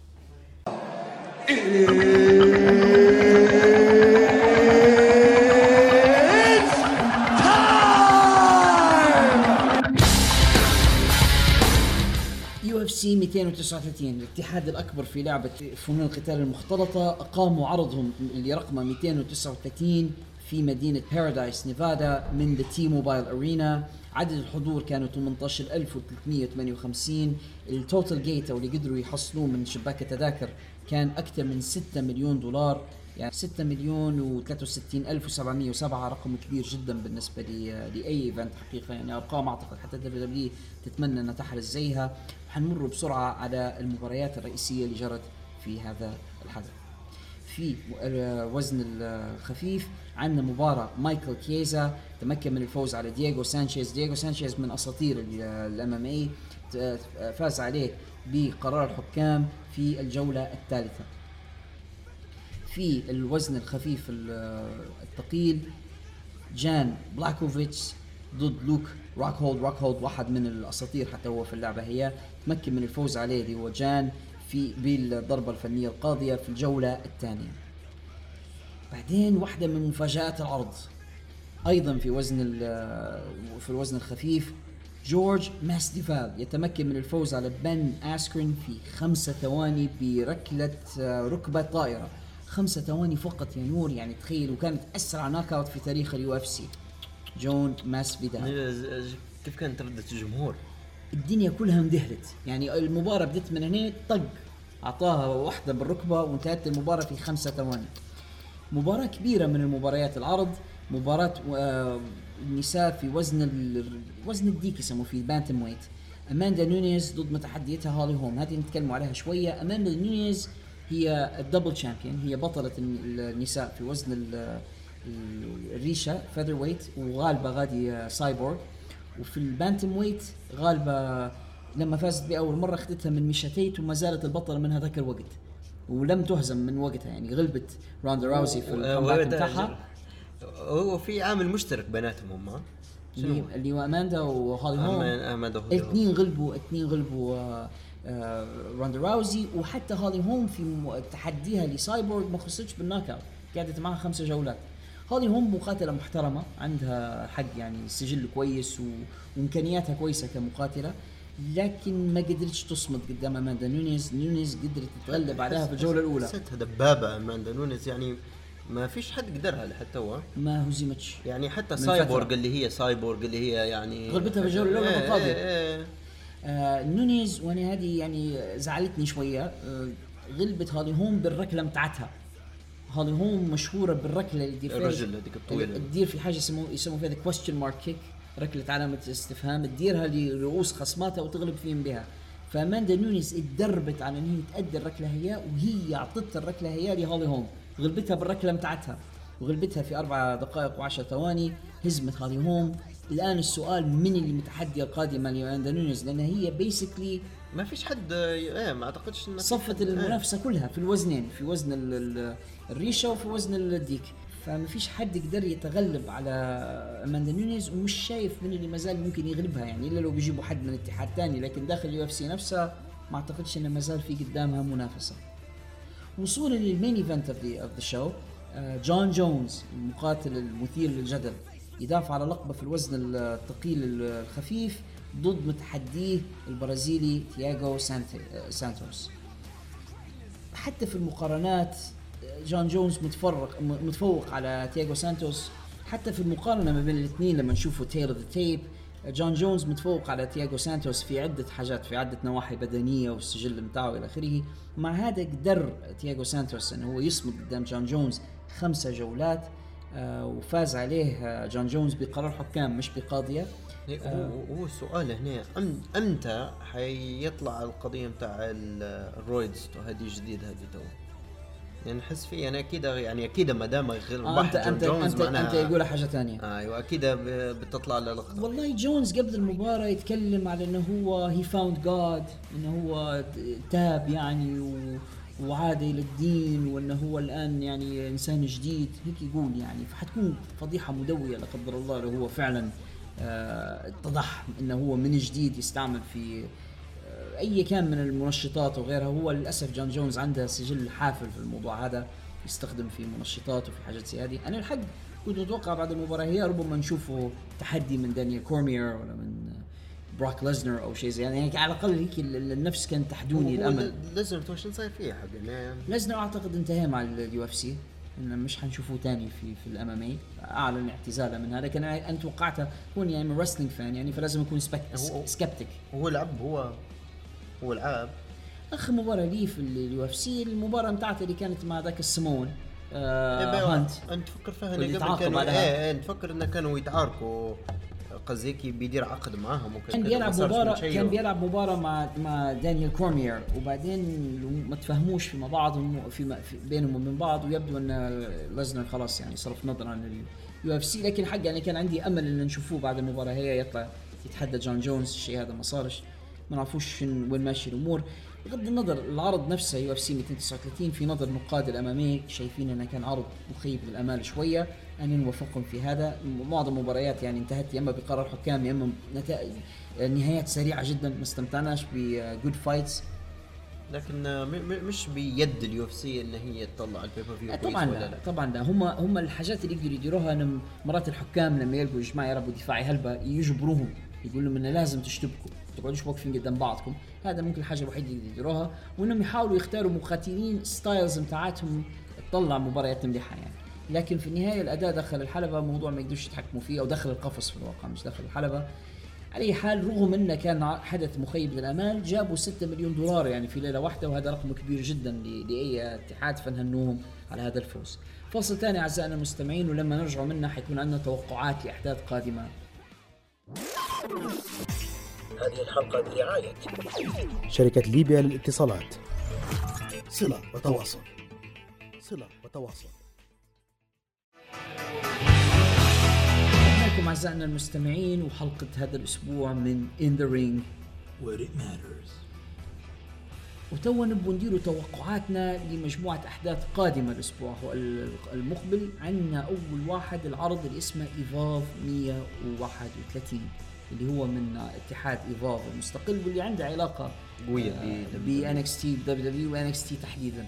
حيديروا ايفنت مع بعضهم ان إكس تي ومش ان إكس تي دبليو دبليو وايفاف حيكون في آه، فيلادلفيا بنسلفانيا و يعني يبدو إن في شوية مشاكل ما بين دبليو ما بين الدبليو دبليو واولي رسلينج بسبب ال- التاريخ إقامة ال event لأن الاثنين حيكونوا في تاريخ 13 يوليو. اللي هو السبت القادم. حنتكلموا تو مع بعضنا بسرعة على المباريات ونبي توقعات الشباب شنو ممكن يصير في هذا ال event. وبعدين نبغى نقارنه منو ال card الأجمل. هل ال event بتاع ايفولف أجمل ولا ال event بتاع All Wrestling Fight for the Fallen نبدو مع أول مباراة معانا آدم كول آه، اللي هو بطل NXT ضد أكيرا توزاوا. آدم كول. أتوقعات. آدم كول إيه. يعني أصلا مستحيل ما يفوز اكيرا توزاوا في المباريات آدم كول لكن متوقع حتكون مباراة حلوة. رغم. كل شيء مباراة كويسة متوقع. آدم كول baby عندنا درو جولاك اللي هو بطل ال 205 Live ضد مات ريدل. هو مات ريدل اسمه غير صحي شوية لما تنطق فأعتقد درو جولاك آه مات ريدل يعجبني راهو. عنده تحسه شوية old old school آه الحفيان هذا لا؟ The King of Bros The King of آه، يعني Bros نقول مات ريدل بدون نقاش.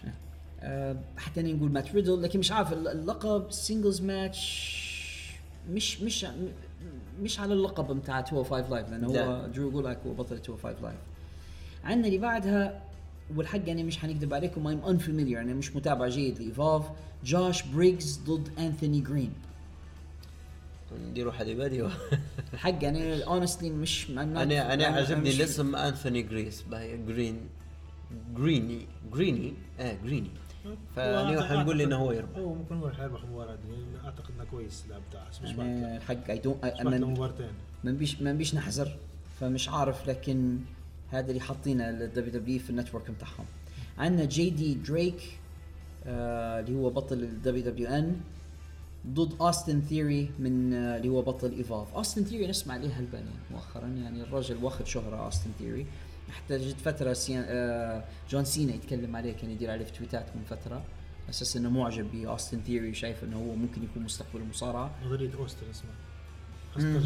نظرية اوستن إيه، لو ترجمناها ترجمة حرفية يعني زي 13. زي واحد صاحبنا يترجم بالطريقة هذه اوستن ثيوري نظرية اوستن آه أنا ممكن أقول اوستن ثيوري هو الفائز حياخذ بطل دبليو دبليو دبليو دبليو ان وايفولف أنا نقول اوستن ثيوري نحس إنه محصل push نسمع عليه هلبة. اثنين تانيين ما نعرفهمش؟ انثوني هنري ضد اروتو رواس يعني نقول انثوني انتوني تقريبا كويسه يعني. I have no idea. عندنا واحد اسمه بابا توندي ضد كولبي كورينو كولبي كورينو نعرفه. كولبي كورينو كان من هو نعرفه؟ نعرف إن أبوه المصارع ستيف كورينو كان في ROH فترة. بابا توندي الحق اسم مش عادي بايت بالحق يعني. هو هو توندي طبعا مدارس تحسه شوية style بتاع Mr. T على فهمت أسمر وش-. وشكله هيك حتى يعني إنه هو هيك يفكر فيك شوية بمني بواحد من ال Authors of Pain هو إيه بالضبط هو style بتاع ال Africans فهمتني على صح هو نقص كشكله زي Mr. T. من ناحية ال- من ناحية ال- ال- الشعر هذا. mohawk. ح- حتى التيشيرت بتاعها هيك زي الفرمله هيك إيه، تحس الفرمله كان. الفرملة الليبية. قريبة ال style بتاع الفرملة الليبية. أعتقد انه انه انه مش مش حيربح بابا توندي هذا من أعتقد. مش قلت. لازم لازم- نستنى نشوف. أنا الحق مش مش عارف. عندنا آه، مباراة رباعية.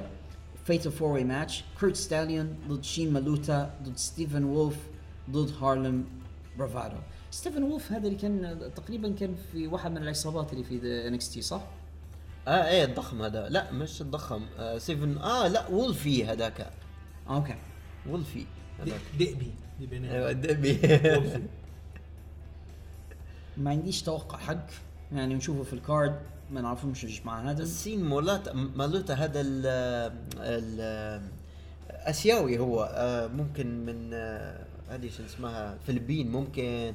هم الشخصية متاعها باسله جدا يشبع في انتقاد كبير عليها مش ماشية مع بكل طويل هلبة طويل هلبة للمليون لكن ما. عنديش شيء حاجة ثانية يعني عندنا مباراة تاج تيم من على بطولة Evolve للفرق الثنائية ايدي كينغستون وجو جريسي ضد اي ار فوكس وليان روف شوف آه، آه، لك حاجة بهي. كينغستون ايدي كينغستون نعرفه من هو لكن التانيين I'm not familiar الحق وما آه. أعتقدش حيعطوها لايدي كينغستون. أنا شوف شوية. أنا نشبه أنا بنقول لك بهي نعرف ليون روف نعرفه شابح اسمه مرة كويس لكن ما أعتقدش إنه هو يعني هذاك الشخصية المميزة ولا باش انه هي بتفوز في المباراة. فما أتوقع ايدي كينغستون وجو جريسي. هذا على كل حال يعني من قبل ما نبدو في Fight Fight for the Fallen كون إن ال event مليء بأسماء مجهولة ناس ما ما يعني تقدرش إحنا- تعطي حكم مناسب. إحنا اللي نفسنا اللي نعتبره wrestling fans ومتابعين we're not familiar بهلبة ب Evolve مش عارف إذا كان ال event هذا حينجح في إنه يستجذب جمهور من All Wrestling باش يتفرجوا عليهم. صعب شوي. مش عارف يعني حنشوف ال card بتاع All Elite ونقارنه بين ال two ونشوف أكثر يلا اللي نبدأ. more interesting يلا. ننتقل الآن إلى Fight for the Fallen Fight for the Fallen حيقام في نفس الليلة اللي هو الثالث عشر من يوليو. Fight في ال falling صراع ساقطين ولا؟ لا. آه قتال من أجل الذين سقطوا. آه. قتال من أجل الذين ال Fallen الذين سقطوا الذين اللي ماتوا يعني. اللي ماتوا. فهم أصلا دايرينها كحدث خيري آه ريعة أو ارباحها يبغوا يتبرعوا بها لضحايا حوادث إطلاق النار العشوائي في الولايات المتحدة. okay. إحنا عارفين الموضوع هذا كاتر هلبة في أمريكا إنه يكون شخص مختل أو مش طبيعي وياخذ سلاح ويفتح النار في مكان عام ويقتل هلبة ناس. مشكلة من نظريات المؤامرة في الموضوع هذا على كم آه موضوع كبير جدا. وإحنا على فكرة نعانوا منه هنا في ليبيا لكن مش. مش بنفس الطريقة. حتى إحنا قاعد عايشين تحت ال- ال- النار بشكل. منظم. أيوه. فما فيش حد لكن ما فيش من يتبرع لنا في ليبيا بس يتبرعوا لنا بس بالسلاح يعني. هالشيء بال- باللايكات وال share يا سيدي يا أخي. هاي صعب- سهلنا الموضوع إحنا. ألف share وتو يتعالج منه. على كل حال آه قلنا All Elite حيقيموا ال event هذا اللي هو Fight for the Fallen في مدينة جاكسونفيل فلوريدا جاكسونفيل اللي هو المقر بتاع المدينة اللي فيها مقر ال All Elite Wrestling حيلعبوها في آه، مبنى اسمه Daily's Place والمباريات كالآتي. المباراة الأولى براندي رودز ضد الي براندي روز سمحت لهم طبعا هم ديما يديروا في ال All Elite متعودين The Road to طريق إلى. بالضبط. هم متعودين على فكرة شيء متعودين على فكرة إن هم يستخدموا في ال social media هلبة مؤخرا وممكن خاطر All In نجح خاطر عن طريق ال social media فحاطين هلبة مقاطع فيديو آه، براندي تتدرب ويوروا فيها تدرب ومدرب يدرب فيها ومدرب يشكر فيها وإن هي متحسنة على قبل ورجعت خير من قبل. فأعتقد إن هي حتربح في المباراة هذه. ممكن آلي اللي هي الابتسامة ولا؟ آلي the Bunny اللي. أيوه اللي ديما مبتسمه. في آه، Impact آه، Wrestling براندي روز بدون نقاش. محتاج ممكن نقول براندي ممكن نقول براندي الابتسامات mostly براندي خاصة كان جابت Awesome Kong مرة ثانية تدخل معاها وحاجة زي هيك. إيه. مباراة بعدها عندنا كاني اوميجا ضد شيما. كاني اوميجا جماعتنا هذوك اللي ديما نتكلموا عليهم زعلانين منها هلبة على خاطر تويتة اللي قالها. تويتة اللي انتقد فيها السعودية وانتقد فيها WWE على خاطر علاقته بالسعودية. ال- البودكاست هذاك الثاني ما بوش نقولوا اسمه. آه، شتموا كاني بألفاظ مقدعة وصفوه بأنه هو توت. بديش نقول هنا آه، هو هو, هو, منها. بجد هو بجدية نوعا ما فعلا نوعا ما الحق يعني ينقال. عندهم الحق لأن نفاق يعني أنا موافق. أنت تقول لي بأن هذا لا المفروض أنهم هم ما يأخذوش وكذا وكذا بينما أنت بلادك اللي جاي منها نحكوش السعوديه نحكو أمريكا. آه، بينما أنت اللي جاي من بلاد منها عز البلود ماني يعني عز الفلوس نتاع الدم. يعني السعودية مش مقارنة شيء أنا يعني موافقك. قدام أنا موافقك إن كان التطاول بس يعني ماني شوية مجرد إنه يشبح في ناس في ال social حسيتها تاثر بال social media. يعني أنت المفروض مصارع أنت المفروض تاخذ آرائك من ال social media ما تخليش يعني الناس تأثر فيك باش تحط تويتات بناء على ناس في أنا بس أنا ضد إن podcasters يشتموا المصارعين على حياتهم الخاصة بالطريقة اللي يستعملوها. فعلا. آه، مش ميال للطريقة هذه في النهاية مهما كان وأنا مقدر موقفهم إنهم لازم يديروا هيك. إيه. لكن بدنا ينعقدوا ضروري يعني يعتبروا آه، مش نقولوا إنهم عباد للمال ولكن لا حتى حاجة ثانية مع شركة. يعتبر مصارع تكلم على بلادهم. آه، يعتبر مصارع تكلم على بلادهم فلو هم مجدوه ولا قالوا عليه كلام كويس ممكن حتى ينحطوا في يعني نظرة هيك سياسية سيئة ليهم إنهم هم. أنتم كيف تمجدوا مصارع متكلم على البلاد؟ لكن مع هذا أنا شوية ضد الموضوع هذا وهذه ممكن واحدة من مزايا البودكاست بتاعنا إن إحنا مستقلين تماما مش تابعين لحد نقولوا راينا بس. ما حدش له علاقه بينا فعلا تستغرب قديش ما موضوع يكون خطير. بودكاست يعني وتتكلم عن الراديو قديش ما يحطك في خطر يعني ما نحكم بصفة عامة يعني. صح؟ كان الناس المذيعين يعني نشوف الناس زيهم هم وزينا إحنا زمان. ممكن البودكاست أحسن خيار لينا تو إن إحنا نتكلموا براحتنا وما حدش ليه علاقة بينا يعني. آه، الآراء اللي نعبر عنها هي لكن مرة إحنا في الراديو؟ في الراديو كانت عندنا شوية خطوط حمراء. نعم. نرجع للمباراة. كان اوميجا ضد شيما. شيما شفناه إحنا في العرض اللي فات هذا اللي كان اسمه Fyter Fest وتفوق فيه على كريستوفر دانيلز وكان اوميجا معروف. ما نعرفش من يفوز بيناتهم تحديدا لكن المنطق يقول كان اوميجا بس لأن شيما مش مش اسم كبير لدرجة إنه يغلب كان. واضح إنه كان حيربح يعني باختصار وبعدين كان يش... ما عندي إحساس إنه حيتحول ل Triple H بتاعهم يعني مش حيغلب حد في الاتحاد أو حاجة زي كده. لأن هو مدير واحد من المدراء التنفيذيين في, ال- في الشركة. أو ممكن يصير العكس. ممكن هو صح يولي Triple H لكن من طريقه إنه هو يخلي في التانيين يربحوا فيه زي ما خ- خسر قدام كريس جيريكو. بس حتى خسرت لكريس جيريكو لو يرد له في الغلبة بتاعته اللي في آه،. في Wrestle Kingdom already عندنا one up لكن في Wrestle Kingdom ما كانش آه، مدير. صح ولا؟ لا؟ anyhow أنا متوقع كيني اوميجا كيني اوميجا كان اوميجا كيني اوميجا تمام. عندنا كودي and داستن رودز لما قال لنا ما نبيش مصارعة أنا نبي أخ. كودي and داستن رودز ضد Young Bucks هذه أعتقد مباراة الحدث. هذه حتكون أحسن مباراة. أنا أعتقد إن هي مباراة اعتزاليه بالنسبة لداستن وحيخسروا داستن وكودي فيها لأن هي مباراة اعتزاليه في الأخير مش ح...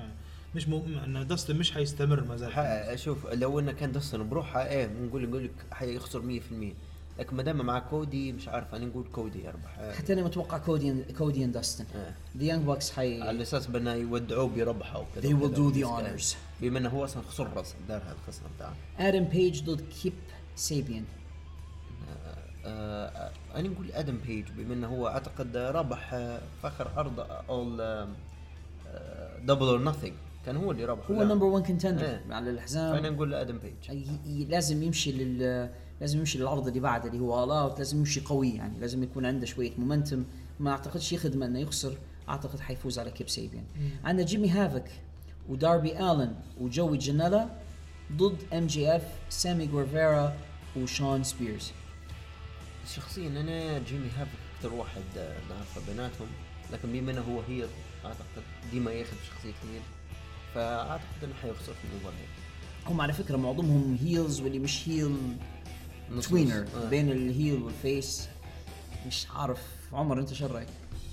أعتقد أعتقد MJF حيربحوا الفريق اللي في MJF راح معاهم شون سبيرز أنت اللي ضارب آه، كودي شون سبيرز بالكرسي شون سبيرز عندنا معاه تاريخ شوية إحنا طبعا على أنا متوقع يتدخل فيها ج... ج... ج... كودي. كودي ممكن ممكن صح لأن لأن already already حصل ضربة على راسه بالكرسي. ما اعتقدش حيمشي على خير. يجي ينتقم قصدك من شون سبيرز إيه. ويخسر الفريق بتاعه يعني في الحالة هنا نقول جيمي هافك داربي آلن وجوي جانيلا يفوزوا SoCal Uncensored الفريق المؤلف من فرانكي كازاريان وسكوربيو سكاي ومعهم كريستوفر دانييلز حيكونوا ضد Lucha Brothers بنتاغون جونيور وراي فينيكس. Lucha Brothers زي ما نشوف فيك سول كان SoCal. آه، نور قال SoCal وانت قلت Lucha Brothers. صعبة شوية. هي كلمة لوتشا في دبليو دبليو أصبحت عبارة عن جابروتشا فهمتي؟ عندنا لوتشا في الدبليو دبليو وكلهم jobbers فهمتني؟ لكن في لكن الحق في في في الاتحادات الثانية لا. لا بالضبط. ف AEW واحد من الاتحاد اللي أثبت ان إن ال Lucha Brothers يعني مصارعين ممتازين بصراحة ف هي صعبة شوية والفريقين ملاحرة لكن آه، كريستوفر دانييلز برا وجماعة اللي داخل وعامل مساعد هلبة. يعني فرانكي كازاريان سكوربيو سكاي ودانييلز برا ضد اثنين ثلاثة ضد اثنين ولد. حسها في صالح آه، SoCal Uncensored وقد أكون مخطئا. حنشوف الوقت يجي نشوف. عموما لما نقارنه بين ال two two cards تو شفنا إحنا ال card بتاع ايفولف وشفنا ال card بتاع Fight for the Fallen منه شايفينها يعني لو لو أنت قدامك الخيار إنك تتفرج على الاثنين ولازم تختار واحد. أنا آسف. Fight for the the بدون. نقاش. لأن غير بروحه وجود كيني اوميجا وكودي ودستن سادة. فعلا في في مباريات حلوة Fight Fight for the Fallen أكثر من المباريات اللي في العرض بتاع ايفولف وربما يعني غلط لأن لأن حق يعني ما نعرفهمش بعض الأسماء اللي في في ايفولف ممكن يفاجئونا بعرض حلو لكن على الورق Fight for the Fallen أقوى star. power star power في ال Fight يعني آه، واضح ال star power هو اللي حيثبت نفسه. والحق يعني آه، فرصة أنا بالنسبة لي يعني نعتبرها الفرصه ما قبل الأخيرة ل All Elite Wrestling عندهم ال event هذا وعندهم اللي بعده اللي هو في شهر 8 اللي هو بيكون All اول اوت لو ما ي- لو يقدموا لنا نفس الشيء اللي قدموه في فايتر فاست ايم دون أنا بالنسبة لي ما عادش بنشجع اول كمان قديش تكتبها في دبليو تو أرحمهم يا راجل جيف them some space يا رجل. ذات ذاتس دبليو قاعد we're taking shit for for years now. في في اتحادات أنا نشوف فيها أحسن من من اول رسلينج ومن دبليو دبليو يعني قاعد نشوف إن ار اتش أحسن منهم الزوز. أعطي مكان في قلبك لار أو اتش دبليو مرة واحدة كان لي Impact Wrestling يعني شايف إنه يحصلوا push بس لو يحصلوا قناة Impact Wrestling عنده pot- عندهم potential حيكون عندهم. طيب لكن Wrestling خيبوا أملي بشكل كبير في Fyter Fest ولهم نعطوهم فرصة تو في ال Fight for the Fallen لعل وعسى عاتبوا فيهم. يصلحوا وضعهم يعني. على الأقل باش الجماعه التانيين ما يهرجوش عليهم. أخيرا في في توقعاتنا لهذه الحلقة WWE في طريقة إلى Extreme Rules أو القوانين القصوى. يعني الفكرة من ال- ال event هذا إن كل المباريات المفروض يكون فيها stipulation أو يكون فيها شرط قاسي وشديد. إحنا حنديروا سرد للمباريات زي ما درنا تو في ال events الاثنين اللي فاتوا ونديروا توقعاتنا بالنسبة للإيفنت هذا الذي سيقيمها دبليو دبليو يوم 14 يوليو يعني اليوم التالي لايفولف ول Fight for the Fallen حيكون في أيضا في فيلادلفيا بنسلفانيا في The Wells Fargo Center مصارعين راو سماك داون 205 لايف مشاركين فيه نبدو من أسفل ال card وصعودا لل main event عندنا ريكوشي ضد اي جي ستايلز اي جي ستايلز يؤلمني يؤلمني جدا إني نقول ريكوشي مجرد إنه هو ايجي ستايلز قديم وكذا مش عارف. نحس إنه بتصير لقطة هيك. أنا أعرف إن اي جي ريكوشي ستايلز بيولي اي جي heel ستايلز محمي باهي إيه صح. و- يعني نقول مثلا يقلب heel بعد المباراة. هو هو قالب heel. قلب heel وجو مليح لكن الفكرة مش هنا يا نور. الفكرة مش هنا يا نور. الفكرة وين؟ الفكرة وين؟ الفكرة إن ايجي ستايلز لما نقول لك يربح أنا مش فرحان إنه ياخذ ال US title الفكرة ال US title مش أي معنى. فهمت؟ هو عبارة عن عبارة عن step down لايجي ستايلز بس at least قايم ذهب وخلاص. يعني انت تعرف صارت لي تلخبيطه بكل لأن بموضوع ايجي ستايلز لكن آه، بما إنه بجديته هو آه، أنا نقول ايجي ستايلز يربح. بدنا نغير الكلام يعني. هو شكله ان ريكوشي هو اللي محصل ال push الفترة هذه واي جي يبدا يأدي في الدور بتاع المصارع الكبير في السن اللي بيبدا يساعد في الشباب. يعني نقول ريكوشي.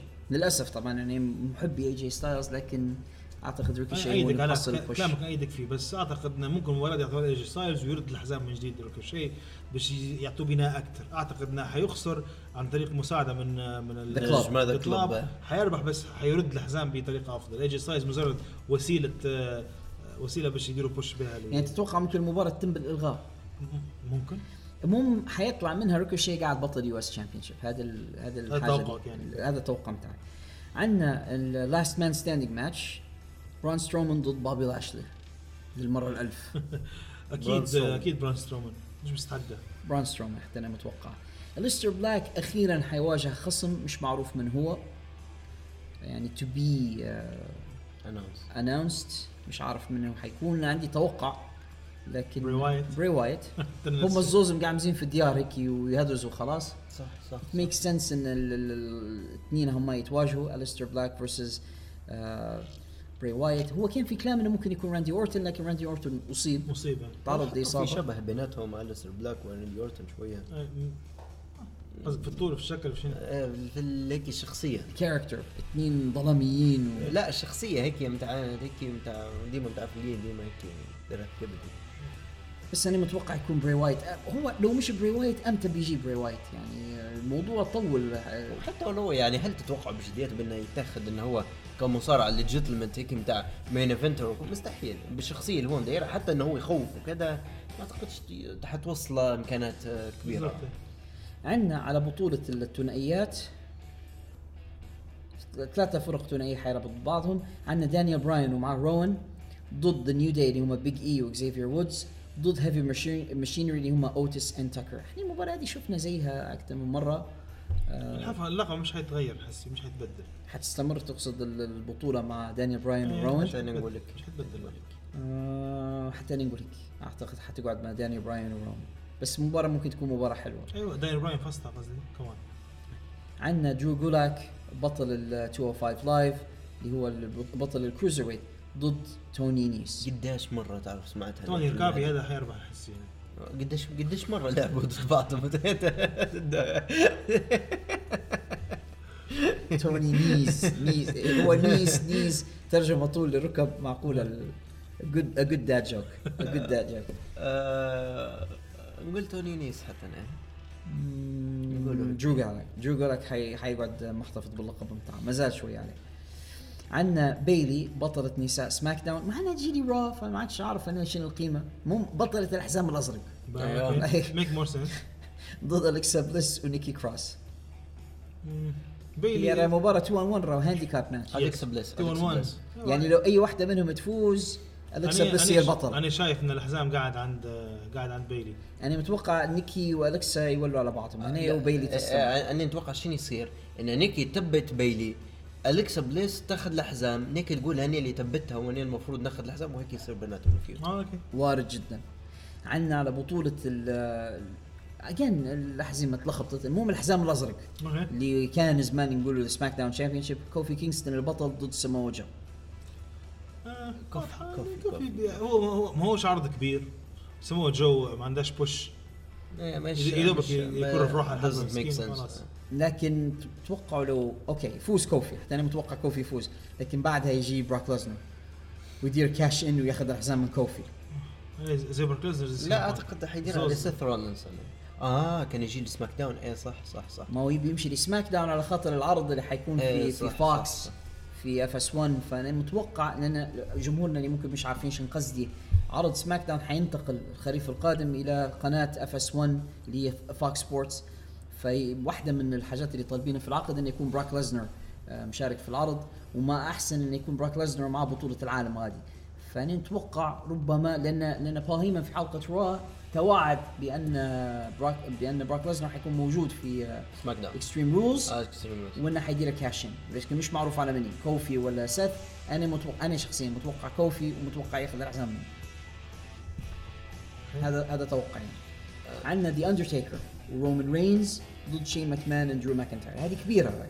هذه مباراة لا، كبيرة. لكن نجيب هذا لهذا بس هذه هي نقول لك حاجة رأي شخصي خليه يستريح الراجل قصدي واحد واحد من ابطالي ال childhood hero اللي اللي حاليا أصبح آه، مرمطة. نقول لكم حاجة لو داروا مباراة ما بين اندرتيكر ضد آه، درو ماكنتاير حتى كان خسر درو ماكنتاير راضي بها المباراة. على الاقل ذاك ضخم أضخم من يعتبر أضخم من اندرتيكر ويقدر يدير مباراة كويسة يقدر يحمل المباراة كلها درو لكن لكن شين ماكمان بالله عليكم ياسر ورومان رينز خلاص.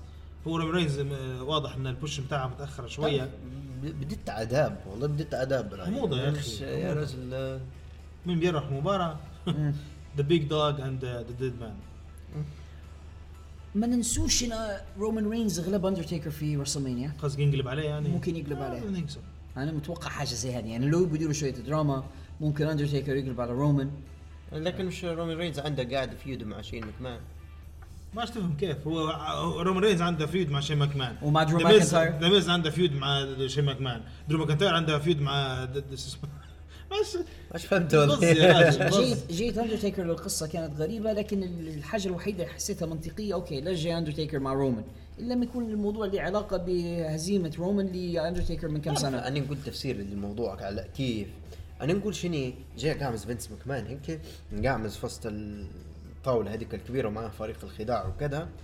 هيا اسمعوا إحنا نبغى نديروا مباراة مليحة. نبغوا ناس يجونا هلبة من الأخير. نبغوا SmackDown تطلع حاجة قوية. كيف بنديروا عندنا اندرتيكر عندي رومان رينز آه شندير شندير شندير نحطهم مع بعضهم. ونخليهم ضد مني؟ مين نحطه؟ لا أعطيه مباراة مليحة، حط ضد داني براين، حط أي جي ستايلز، حط مصارعين لا. مليح شين ماكمان. لا ولدي. ولدي. brilliant. آه شين ماكمان أيوه شين ماكمان. من تاني؟ آه درو ماكنتاير بهذا ما عندهمش علاقة ببعض. ما عادي يجيبوا ناس ما فيش مشكلة. هذا هي بعض. لك يعني شو ممكن يصير. إحنا في شهر سبعة ال pay-per-view الجاي حيكون SummerSlam شهر ثمانية.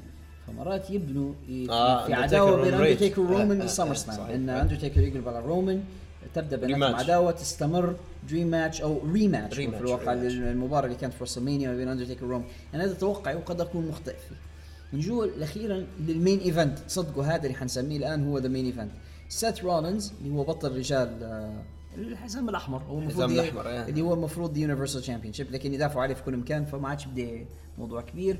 ومعاه آه بيكي باكي لينش اللي هي بطلة نساء الحزام الأحمر. نظر آه لا باكي لينش الأحمر. الأحمر الأحمر. sorry sorry آه ضد بارون كوربن وليسي إيفنز. الفكرة انه winners take all يعني لو فاز فريق ليسي إيفنز حت... ليست تولي بطلة النساء وبارون كوربن يولي ال Universal Champion أنا تمنيت ان هي زوز مباريات مفصولات لو كانت قلت لك آه ليس اللي باه تاخذ الحزام وبارن كوربن بيش ياخذ الحزام كانوا منفصل لكن بما ان هي لصقوها ببعضها داروها الشهر اللي فات لا okay كانوا مباراتين منفصلتين الشهر اللي فات. تو يعني تو فتو واضح ان ان ان the power couple اللي هو سيت رولينز وش اسمها هذه وبيلي حيربحوا الحزامات بيكي لينش. بيكي لينش حيربحوا الحزامات يعني هم حيفوزوا أنا متوقع سيث رولينز. سيث رولينز وباكي لينش يفوزوا لكن في ال storyline بعدين يديروا في آه، هيك تلميح لبدايه مشكلة ما بين سيث وباكي وإن هي غيرانة من حاجة وإن أساسا ليسي إيفنز قالت أكثر من مرة إن سيث ي- مش عارف يبص عليها يعني وراقب شو حش صاحبك عني وأمور ما لهاش علاقة بالمصارعة. فأنا ممكن نشوف بداية نهاية العلاقة بين باكي وسيث في المباراة مع هذه. العلم بأن قهوه بعد ما سمعت بعد ما قلتوها دو هذه مع العلم بيكي لينش كانت في ال main event في وفايزة.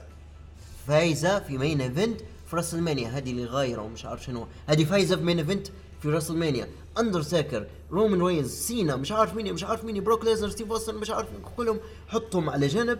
الغايرة هي اللي ربحت ب في ال main event في WrestleMania. يعني ت- ت- استوعبوها شوية. okay. هذا كان Extreme Rules وتوقعاتها وهذا حيكون معانا إن شاء الله في الأسبوع المقبل من In The Ring هذه كلها تسعى على الوقت لهذه الحلقة أعزائنا المستمعين.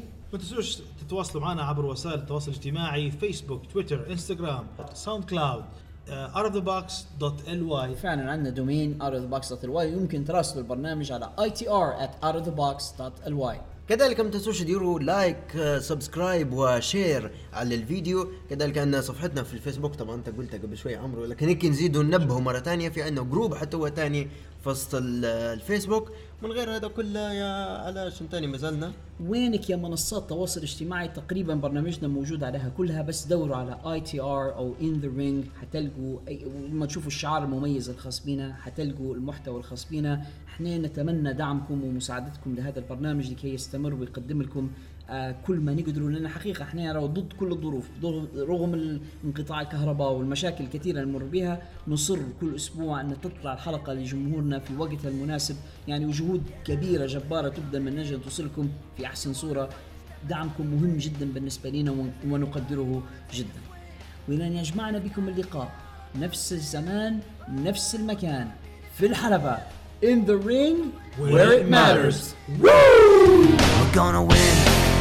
Forget about a draw, we're gonna score. And then we're gonna get a few more. Maybe another one just